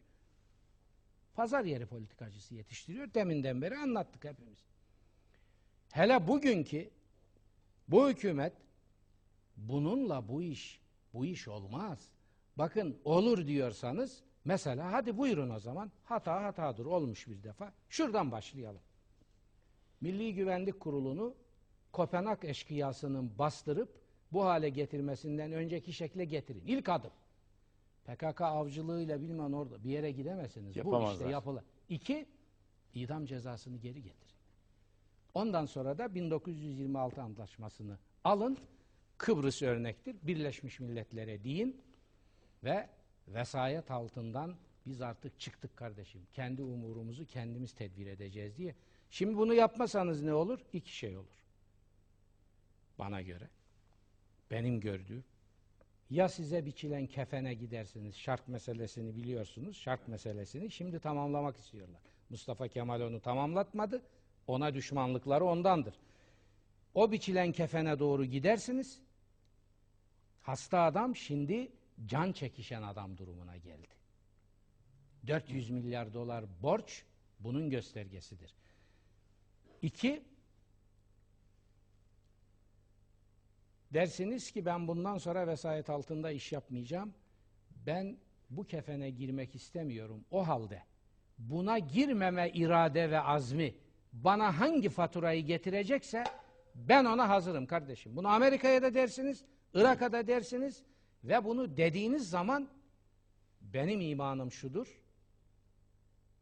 bunun karşısında sizinle uğraşamazlar. Evet, Uğraşırlarsa ki neşeleri bilir. Ha, eğer Türk milleti derse ki ben borç alarak kazandığımın yüzde elli beşini faize vererek ve dışarıdan gelen paralarla borcun faizlerini de ödeme çığırını o sarmalı yürüterek ama ilkokul çocuklarının eline ikişer telefon vererek ayaklarımı uzatıp böyle yapay, suni ve görevimiz tehlike stüdyosunda oluşturulmuş bir cennet hayali yaşayacağım derse uyandığı gün yaşadığı yerin bir cehennem olduğunu görür. Türk milletine bunları anlattık ama 22 Temmuz'da neyi seçti halkımız? Kusura bakmasınlar. Bu Seçtikleri başka bir ben ayaklarımı burada uzatıp noktayı koyalım. bu keyfi sürdür. Evet. Bak ben siyasetçiyim bunu çekinmeden söylüyorum. Tamam. Yo yo hayır süremiz Tamam gerçekten- bitiriyorum. Noktayı yani koyalım. Bakın bununla olmaz. Bu hükümetle olmaz. Olur ben pişman oldum. Eski dediğim taahhütlerden geri dönüyorum. Benim o söylediklerim o adamlar geveleyip dursun. Ben gerekeni yapacağım. Türkiye'nin geleceğini o zaman atacağı adımın ilki şu MGK'yı. Bu MGK ile Türkiye bu işlerin içinden çıkamaz. Bu nostaljik MGK ile. İlk adım o. Yapsın geri dönsün başlasın orada. Peki hocam çok teşekkür ediyoruz. Ben teşekkür Ee, ediyorum. Bu megakım. Hocamın e, izahatına e, sadece e, sarahat getirmek açısından yoksa bütünlüğü var zaten. Amerikalılar yıllar içinde PKK'nın faaliyetlerinden şunu gördüler Türkiye'de. Türkiye'yi Marksist kökenli hareketlerle bölmek mümkün değil. Bravo. İşte bu. Ha. Evet. O yüzden ılımlı İslam diye bir şey getirdiler. Aynen. Din, din, din Ha, unsuru. Din unsuru. Tabii. Şimdi ılımlı kelimesi yapısı itibariyle olumlu bir anlam ifade eder. Oysa gerçek dinimiz Sayın Hocamızın yıllardır bizlere anlattığı ve hepimizin kültürü içinde yetişip büyüdüğümüz gerçek dinimiz yapısı itibariyle anti-emperyalist kara- karakterlidir. Bağımsızlık yanlısıdır. Doğru mu hocam? Ama aynı zamanda da itidal dinidir. İtidal dinidir. Ama tabii. onların tercüme ettikleri ılımlının orijinali moderat'tır. O sivrilikleri törpülenmiş ve hesaba uydurulmuş evet. demek. Yani ılımlı orada ılımlı yerine oturmuyor. Oturmuyor. oturmuyor. Dolayısıyla burada Bağımlı terminolojide biraz daha. terminolojide bak terminolojide buna bağımlı İslam demek lazım. Aynen öyle. Bağımlı Bu daha- ılımlı evet. İslam değil. Evet. Çünkü halkımız o zaman şöyle anlıyor. Ya ılımlı bir İslam anlayışı Daha işte ne? Kimin şikayeti ne var olabilir? bunda filan diye. Zaten Bunu- dinci cemaatler özür dilerim. El altından şunu yayıyorlar.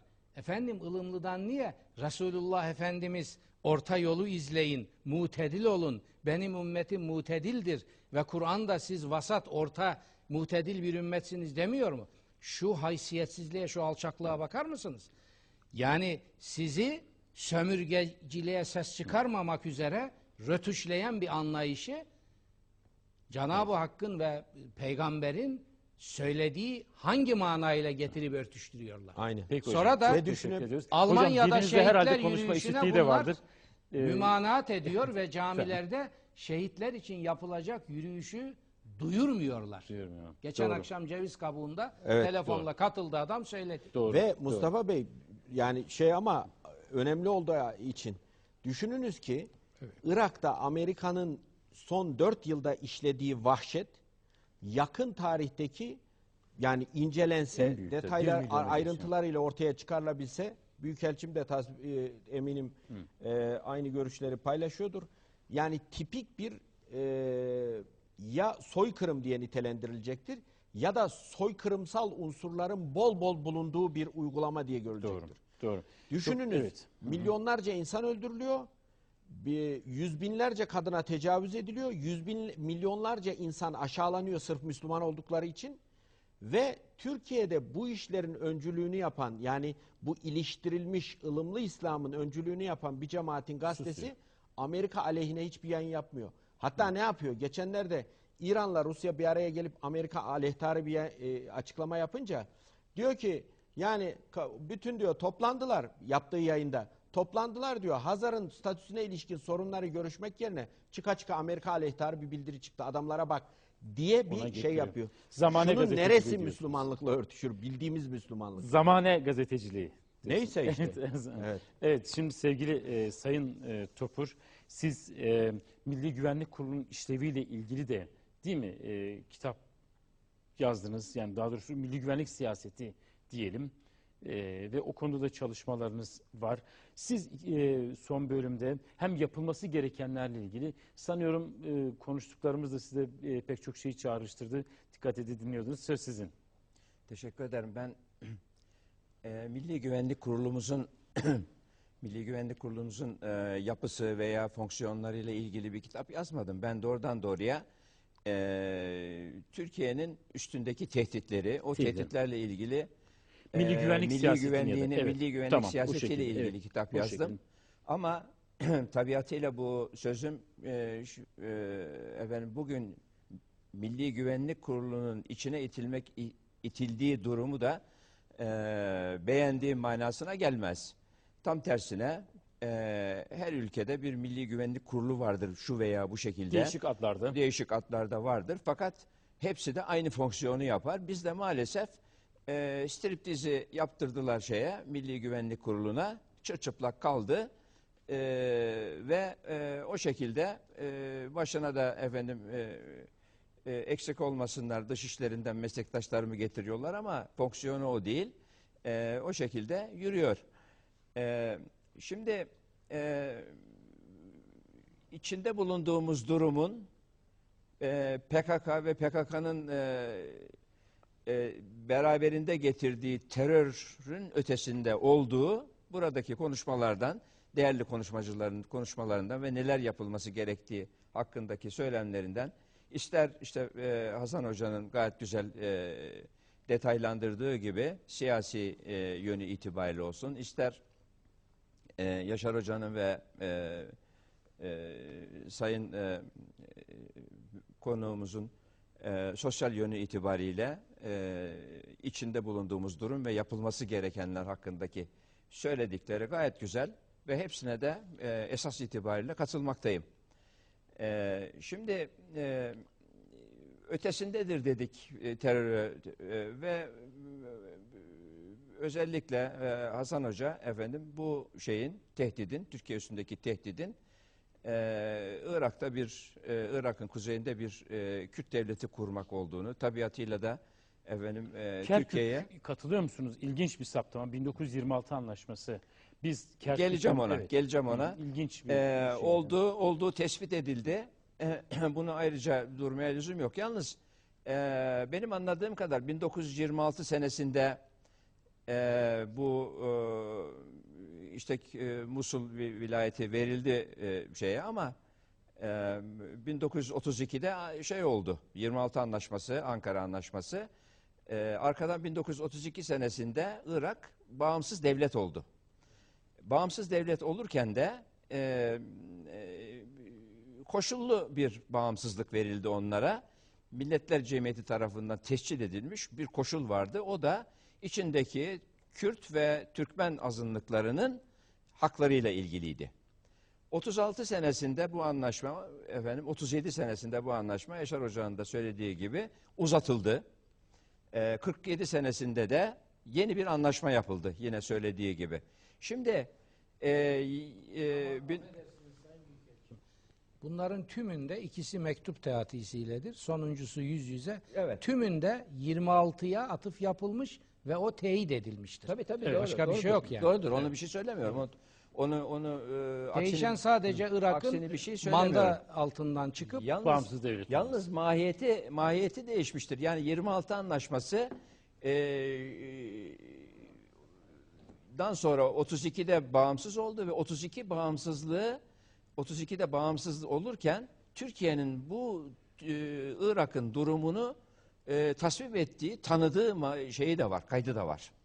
36 30 36 37 senesinde işte o zamanki e, şartlar icabı İngiliz oyunuyla bu efendim Musul'un onlara verildiği yani Irak'a verildiği teyit edilmiştir. Anlaşma uzatılmıştır.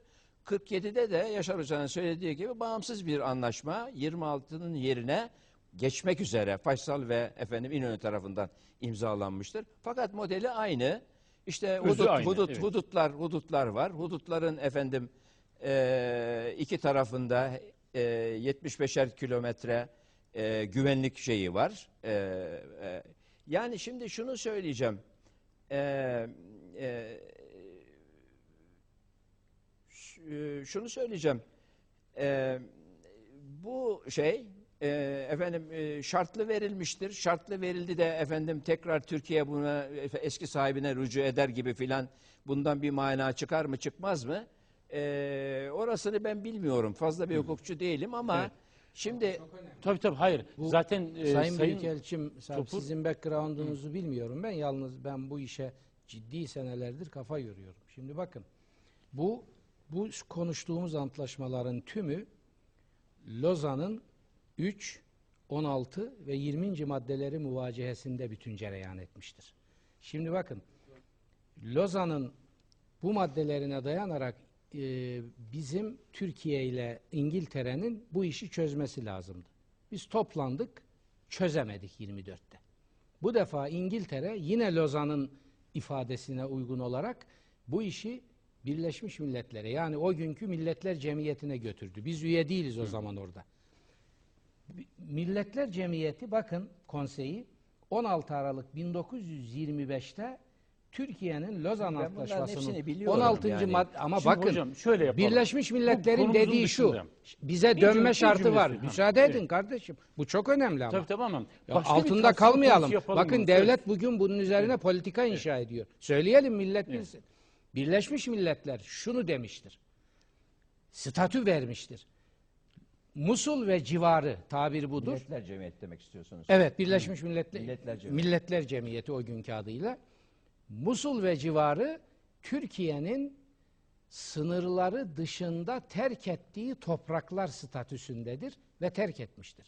Şimdi bu statüdeki topraklar lehine terk edilen devlet bu hakkı kullanmaktan vazgeçerse Kıbrıs'ta İngiltere'nin yaptığı gibi veya devlet ortadan kalkarsa o egemenlik hakkı terk edene devlete geri dönüyor. Biz buna dayanarak Tamam. Kıbrıs'ta Çok net ifade uygulaması ettiniz hocam. var. Tamam. Yani şartlı var. Aynen böyle. Tamam hocam çok net Evet. ifade ediniz. Sayın e, Topur sizin e, 1974 harekatına çok kısa söz ettiniz. Amerika ile o dönem biz karşı karşıya da geldik. Bugün de karşı karşıya ge- geliyoruz. İki dönem içinde karşı karşıya gelişte izlediğimiz tavırla ilgili bir karşılaştırma. Şimdi ona geleceğim. Şunu Evet. e, çok kısa e, bitireyim. E, yani bu işin hukuki tartışması ben bunları biliyorum. Bilerek Evet. konuşuyorum. Yani anlaşmaların hepsini, Milletler Cemiyeti'ni filan hepsini incelemiş bir kimseyim. E, biliyorum bunları. Ben ben diyorum ki yani bu ne kadar e, milletler arası alanda e, eski sahibine döner e, lafı doktrinde e, tartışmalı olur. Onu söylüyorum. Fakat tartışmasız olan bir nokta var. Ee, oradaki oradaki Türkmenlerin statüsüdür. Sonradan çünkü Milletler Cemiyeti dönmüş, Birleşmiş Milletler zamanı açılmış. Efendim bu e, şeyin e, e, şartlı bağımsızlığın, şartlı bağımsızlığın e, şartlarının aynen devam edebileceğine dair Birleşmiş Milletler'in ilgili komisyonlarının kararları vardır. Onu söylüyorum. O kesin. Öbürü efendim eski sahibine döner dönmez. E tabii benim de gönlüm ister arzu eder. Ama efendim böyle bir şey yok demiyorum ben sadece. Anladım. E, şimdi gelelim şeye. e, e, Evet. Gelelim sözünüze sizin. Şimdi e, e, güzel bir te- şey çıktı, tezkere çıktı. Benim kanaatimce işte bir tezkerenin çıkabileceği kadar ve orada da PKK e, hedef gösterildi. Sizin sözü, e, Evet. sualinize geleceğim. Evet. E, buna itiraz edenler falan oldu fakat belli ki belli ki efendim askerin de eli değmiş o tezkereye. Güzel bir tezkere. Milletler arası alanda da kabul görecek bir şey. E, bundan sonra önemli olan e, stratejik konsept veya siyasi direktif dediğimiz husustur. Yani stratejik hedef çizilmiştir. O stratejik hedef içerisinde işte e, esneklikler ve şeyler muhafaza edilmek suretiyle yürütülecek olan hatta harekattır. Şimdi esas önemli olan budur. Buna ne tesir edecektir? Diyelim ki hükümet verdi bunu. E tabi o gizli olacaktır. Şeyle askeriyeye. Ee, buna ne tesir edecektir? Buna iki şey tesir edecektir. Bir tanesi diyelim ki bir harekat başladı. Harekat başlar başlamaz güvenlik konseyi toplanacak tabii. Ee, ve efendim hemen ateşkes meselesi başlayacak. İkincisi de işte güvenlik konseyi aldı konuyu ele. Sen niye gidiyordun oraya? Meşru müdafaa için gidiyordum. Meşru müdafaa efendim e, güvenlik konseyi meseleyi aldı eline. Meşru müdafaa hakkın bitti. Durun bakalım güvenlik konseyini bekleyelim mi diyecek mi demeyecek mi? Bu iki yerde toplanıyor hadise. Şimdi Ama biz Kıbrıs'a 74'te geliyoruz. göze aldık. Şimdi Kıbrıs'a alabiliyor geliyorum. muyuz? Ha Kıbrıs'a geliyorum. Evet. Hatta şeyde meclis tartışmalarında da ondan sonra bir e, konuşmacı DSP adına yapılan konuşmada da dedi ki e, güvenlik güvenlik konseyi efendim meseleye el koyduğu zaman Türkiye oturup beklemesi lazım artık dedi. Şimdi Kıbrıs meselesi buradan geliyor. Şimdi Kıbrıs meselesinde 74 senesinde ne oldu? Ee, biz çıktık adaya. Çıktığımız gün cumartesi günü olduğu halde çıktığımız gün güvenlik konseyi toplandı ve ateşkes kararı aldı. Şimdi böyle bir şeye biz muhatap olacak mıyız meselesi var. Veya ateşkesten kastımız o mudur? Yani efendim ateş e, dursun ondan sonra ne yapalım yani? Her şeyi eski haline sanki hiç müdahale olmamış gibi geriye çevirme e, manevrasına mı gireceğiz? Veya efendim e, güvenlik konseyi el koydu meseleye. E artık nefsi müdafada biter güvenlik konseyi gereğini yapar diye e, profesörün söylediği gibi şeyde tezkerede e, böyle devam edecek? Böyle şey olmaz. Bakın size söyleyeyim. Orada e, Türkiye'ye bir e, yüklenme oldu Kıbrıs'ta. E, Cenevre konferansına ben işte uzman olduğum için heyete çağırdılar. O dönemin siz Birinci birebir gece- içinde yaşadınız. Birebir yani, içinde yaşadım. Cenevre konferansında gece açıldı. Ondan sonra Kalagan ilk konuşmayı yaptı. Şunu söyledi. Dedi ki yani bugüne şey diye söylüyorum. Tarih diye anlatmıyorum bunu. Bugüne e, Ders diye ders söylüyorsun diye sen. söylüyorum. Kalagan dedi ki adada iki tane anomalite var. Bugünü dinleyin bakın siz. İki, bu, bu, e, bu iki anomalitenin dedi giderilmesi lazımdır dedi. Anomalite dediği e, iki şey. Bir tanesi Samson'un şeyden ayrılması, Adadan. adadan ayrılması, o işi itfa edilmesi. İkincisi de Türk askerinin çıkmasıdır. O da geri gitsin diyor. Ee, Mavros vardı Yunanlı. O Gördüm dedi ki Mavros'u, o dedi ki Mavros dedi ki bu dedi tam manasıyla bir deli saçması ve dedi komedi. Ben bu komedinin içinde olmayacağım falan. Konferans böyle başladı. Şimdi bugüne getirirseniz işi ondan sonra söyleyecek oldukları da gene budur. Türkiye bunu kabul mü edecek? Yani iki gün tutuldu, iki gün tutuldu bu ateşkes meselesi ve ateşkes eee, kabul edildi. Bugün de kabul edecek miyiz bu ateşkesi? Şimdi bakıyoruz Lübnan olayı var önümüzde. Lübnan olayında eee, 20 gün efendim ateşkes hangi şartlar altında olacak? Efendim geç- e, devamlı bir ateşkes mi olacak? E, efendim şartlar yerine gelecek mi? 20 gün o konuşuldu. Şey vurdu. Bu süre içinde işler bitti zaten. E, işler bitti zaten. Yani Türkiye'nin önünde opsiyonlar var. Yani bunların e, başımıza gelecekler bunlardır. Buna göre de bizim tedbir almamız lazım. Bu bir. İkincisi, Bunu alacak bir hükümet var mı Türkiye'de şu anda? bunu alacak bir hükümet e, iş oraya kadar gelecek mi diye siz sorarsanız ondan da kuşkum var benim. Evet. Şimdi e, 5 e, Kasım'a niye bekliyoruz biz? Yani Amerika'nın halen iyi niyetinden şüphemiz mi var? Ya kötü niyetinden Sayın Sümer'in söylediği gibi dışa yönelik bir umut. Şüphemiz e, mi var? Sonra iki yani. gün sonra Reis geliyor buraya. E, e, aşağı yukarı e, işte bir nevi bir şeyle Bush'la konuşmuş gibi olacak. Yani ben e, şahsen şeyin e, efendim e, Sayın Erdoğan'ın e, işi Washington'a bağlamasını efendim ondan sonra Washington'a gitmesini e, uygun görmüyorum ve hatta ben İptal olsam ben olsam ben olsam hiç Washington'a gitmem. Ya çünkü her şey belli masanın Evet. üstünde efendim yani bunu bunu şeyi yok ki. Ee, bir de e, konuşmacılar e, basın şeyinden bahsetti, sıkıntısından bahsetti. E, o fevkalade ya şey basın bakımından, merkez basın bakımından fevkalade önemli. E, mesela bir de NTV söylendi. Ben NTV'yi açıyorum, dinliyorum. Günde üç defa Welle, ondan sonra BBC ve Voice of America dinliyoruz. Türkiye hakkındaki haberleri oradan dinliyoruz. Yani Evet. iş bu hale gelmiş. Ee, nereden nereye geldi NTV? Ee, kimse kusura bakmasın. Başında da arkadaşlarımız var ama e, Belki en çok şeyi oradan beklediği için e, insanlar ya evet da yani bu, bir haber bu şeye e, özetle şunu söylemek istiyorum. Basını bu halden çıkaracak mutlaka tedbirler düşünmek lazım. Ondan sonra o tedbirlerde sansürdü, şuydu, buydu, vur kafasına patlat meselesi değil tabii. Bir de Türkiye üstündeki psikolojik harekata mutlaka dur demek lazım. Ee, yani siyasilerimizin ondan sonra bir takım işte büyükelçilerimiz filan dedi. Ben hiç alınmıyorum bundan. Ben de aynı şeyden müştekiyim çünkü. Ee, büyükelçilere atıf yaptı diye. Bunların e, biraz e, mesela bir tanesi çok yakında birkaç gün evvel çok da koca yerlerde oturan birisi efendim şeyi bırakın dedi. Efendim e, e, efendim e, e, hissiyatı hissiyatı bırakın hissiyatı bırakın hayatın gerçeklerine bakın. Yani diyor ki yani diyor ki işte tarz, Barzani Talabani hayatın gerçeğidir. Ondan sonra e, oraya orayla anlaşmaya bakın diye bunu söylüyor.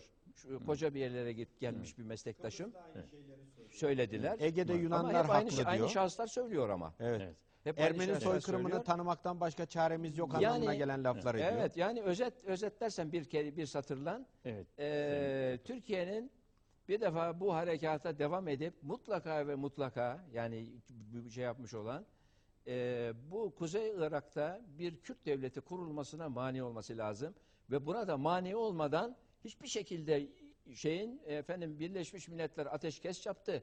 Birleşmiş Milletler Güvenlik Konseyi bilmem ne yaptı. Çünkü Türkiye buna pabuç bırakmamak lazım. Amerika süper devleti de dahil olmak üzere Türkiye'nin önüne durabilecek hiçbir güç görmüyorum ben. Çok güzel Sayın e, Töpün. E, bu Sayın Sümer'in kimliğimizi e, ve kendimizi anlatırken öncelikle kendimize bakmamız gerekir.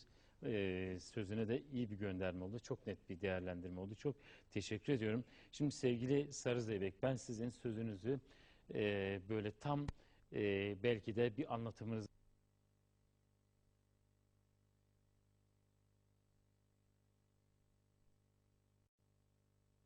aklıma getiriyorum. İktidara sahip olanlar diyor. evet Gaflet, dalalet ve hatta hıyanet içinde bulunabilir. E şimdi iktidara sahip olanan, olan hıyanet içinde ise ne olacak? Ne yap?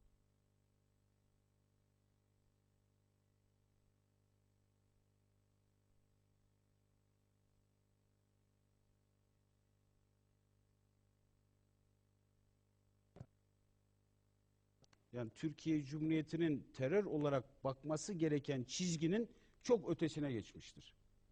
Bu çerçevede öze- yapılan özelleştirilmeler de söz konusudur. Neden? Bakıyorsunuz Orta Doğu siyasetinde İsrail söz konusu. Ama gene bakıyorsunuz sınır ötesi harekat konuşuluyor. Büyük olaylar konuşuluyor. İran, Irak, Suriye herkes konuşuluyor. Bir tek ülkeden ses çıkmıyor. İsrail. Hiç ses çıkmıyor. Hükümetten de ses çıkmıyor bu konuda. Ama yine geriye dönüp bakıyorsunuz.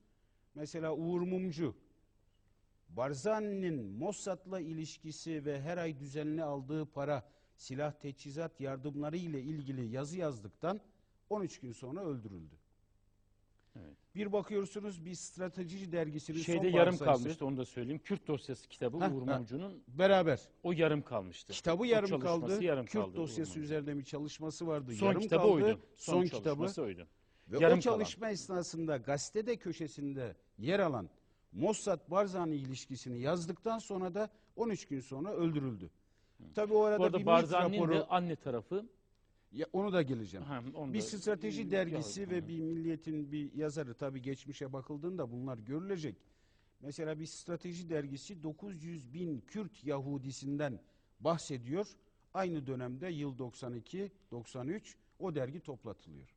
Yani diyeceğim aydınlarımızın, basınımızın, sivil toplum örgütlerimizin ve hükümetimizin Hı hı. şu Orta Doğu siyasetimizde mesela su sorunu. İsrail diyor ki eğer diyor suyu kendimiz üretemezsek su diyor Orta Doğu'da bizim için savaş nedenidir. Evet. Su nerede? Türkiye'de, Mısır'da. Evet. E, Mısır'la bir anlaşma yapmış. Camp David'le bir ilişkileri var. Ama bizim de su konusunda Suriye ile sorunumuz var. Yani bir İsrail'i de bu fotoğrafın içine koymamız gerekiyor. Herkes tarafından. Özelleştirme şöyle stratejik öneme ait.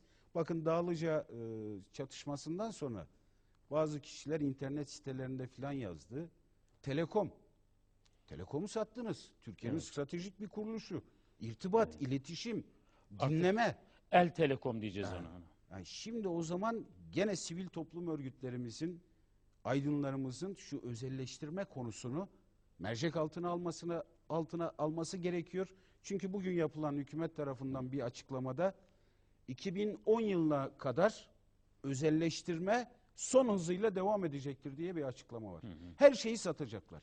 Bu E, gidişle şimdi hükümet bakın, özelleştirecek. Bankalarınız şimdi şöyle aklımıza e, Lozan Evet. yani şimdi bakıyorsunuz bütün stratejik kuruluşlarınız satılıyor yabancılara.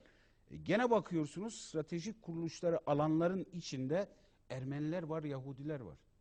E, bir bakıyorsunuz Pekin'de bunu yaşadık. evet Orta Doğu'daki çıkarlarınız Yahudi ve Ermenilerle çatışıyor.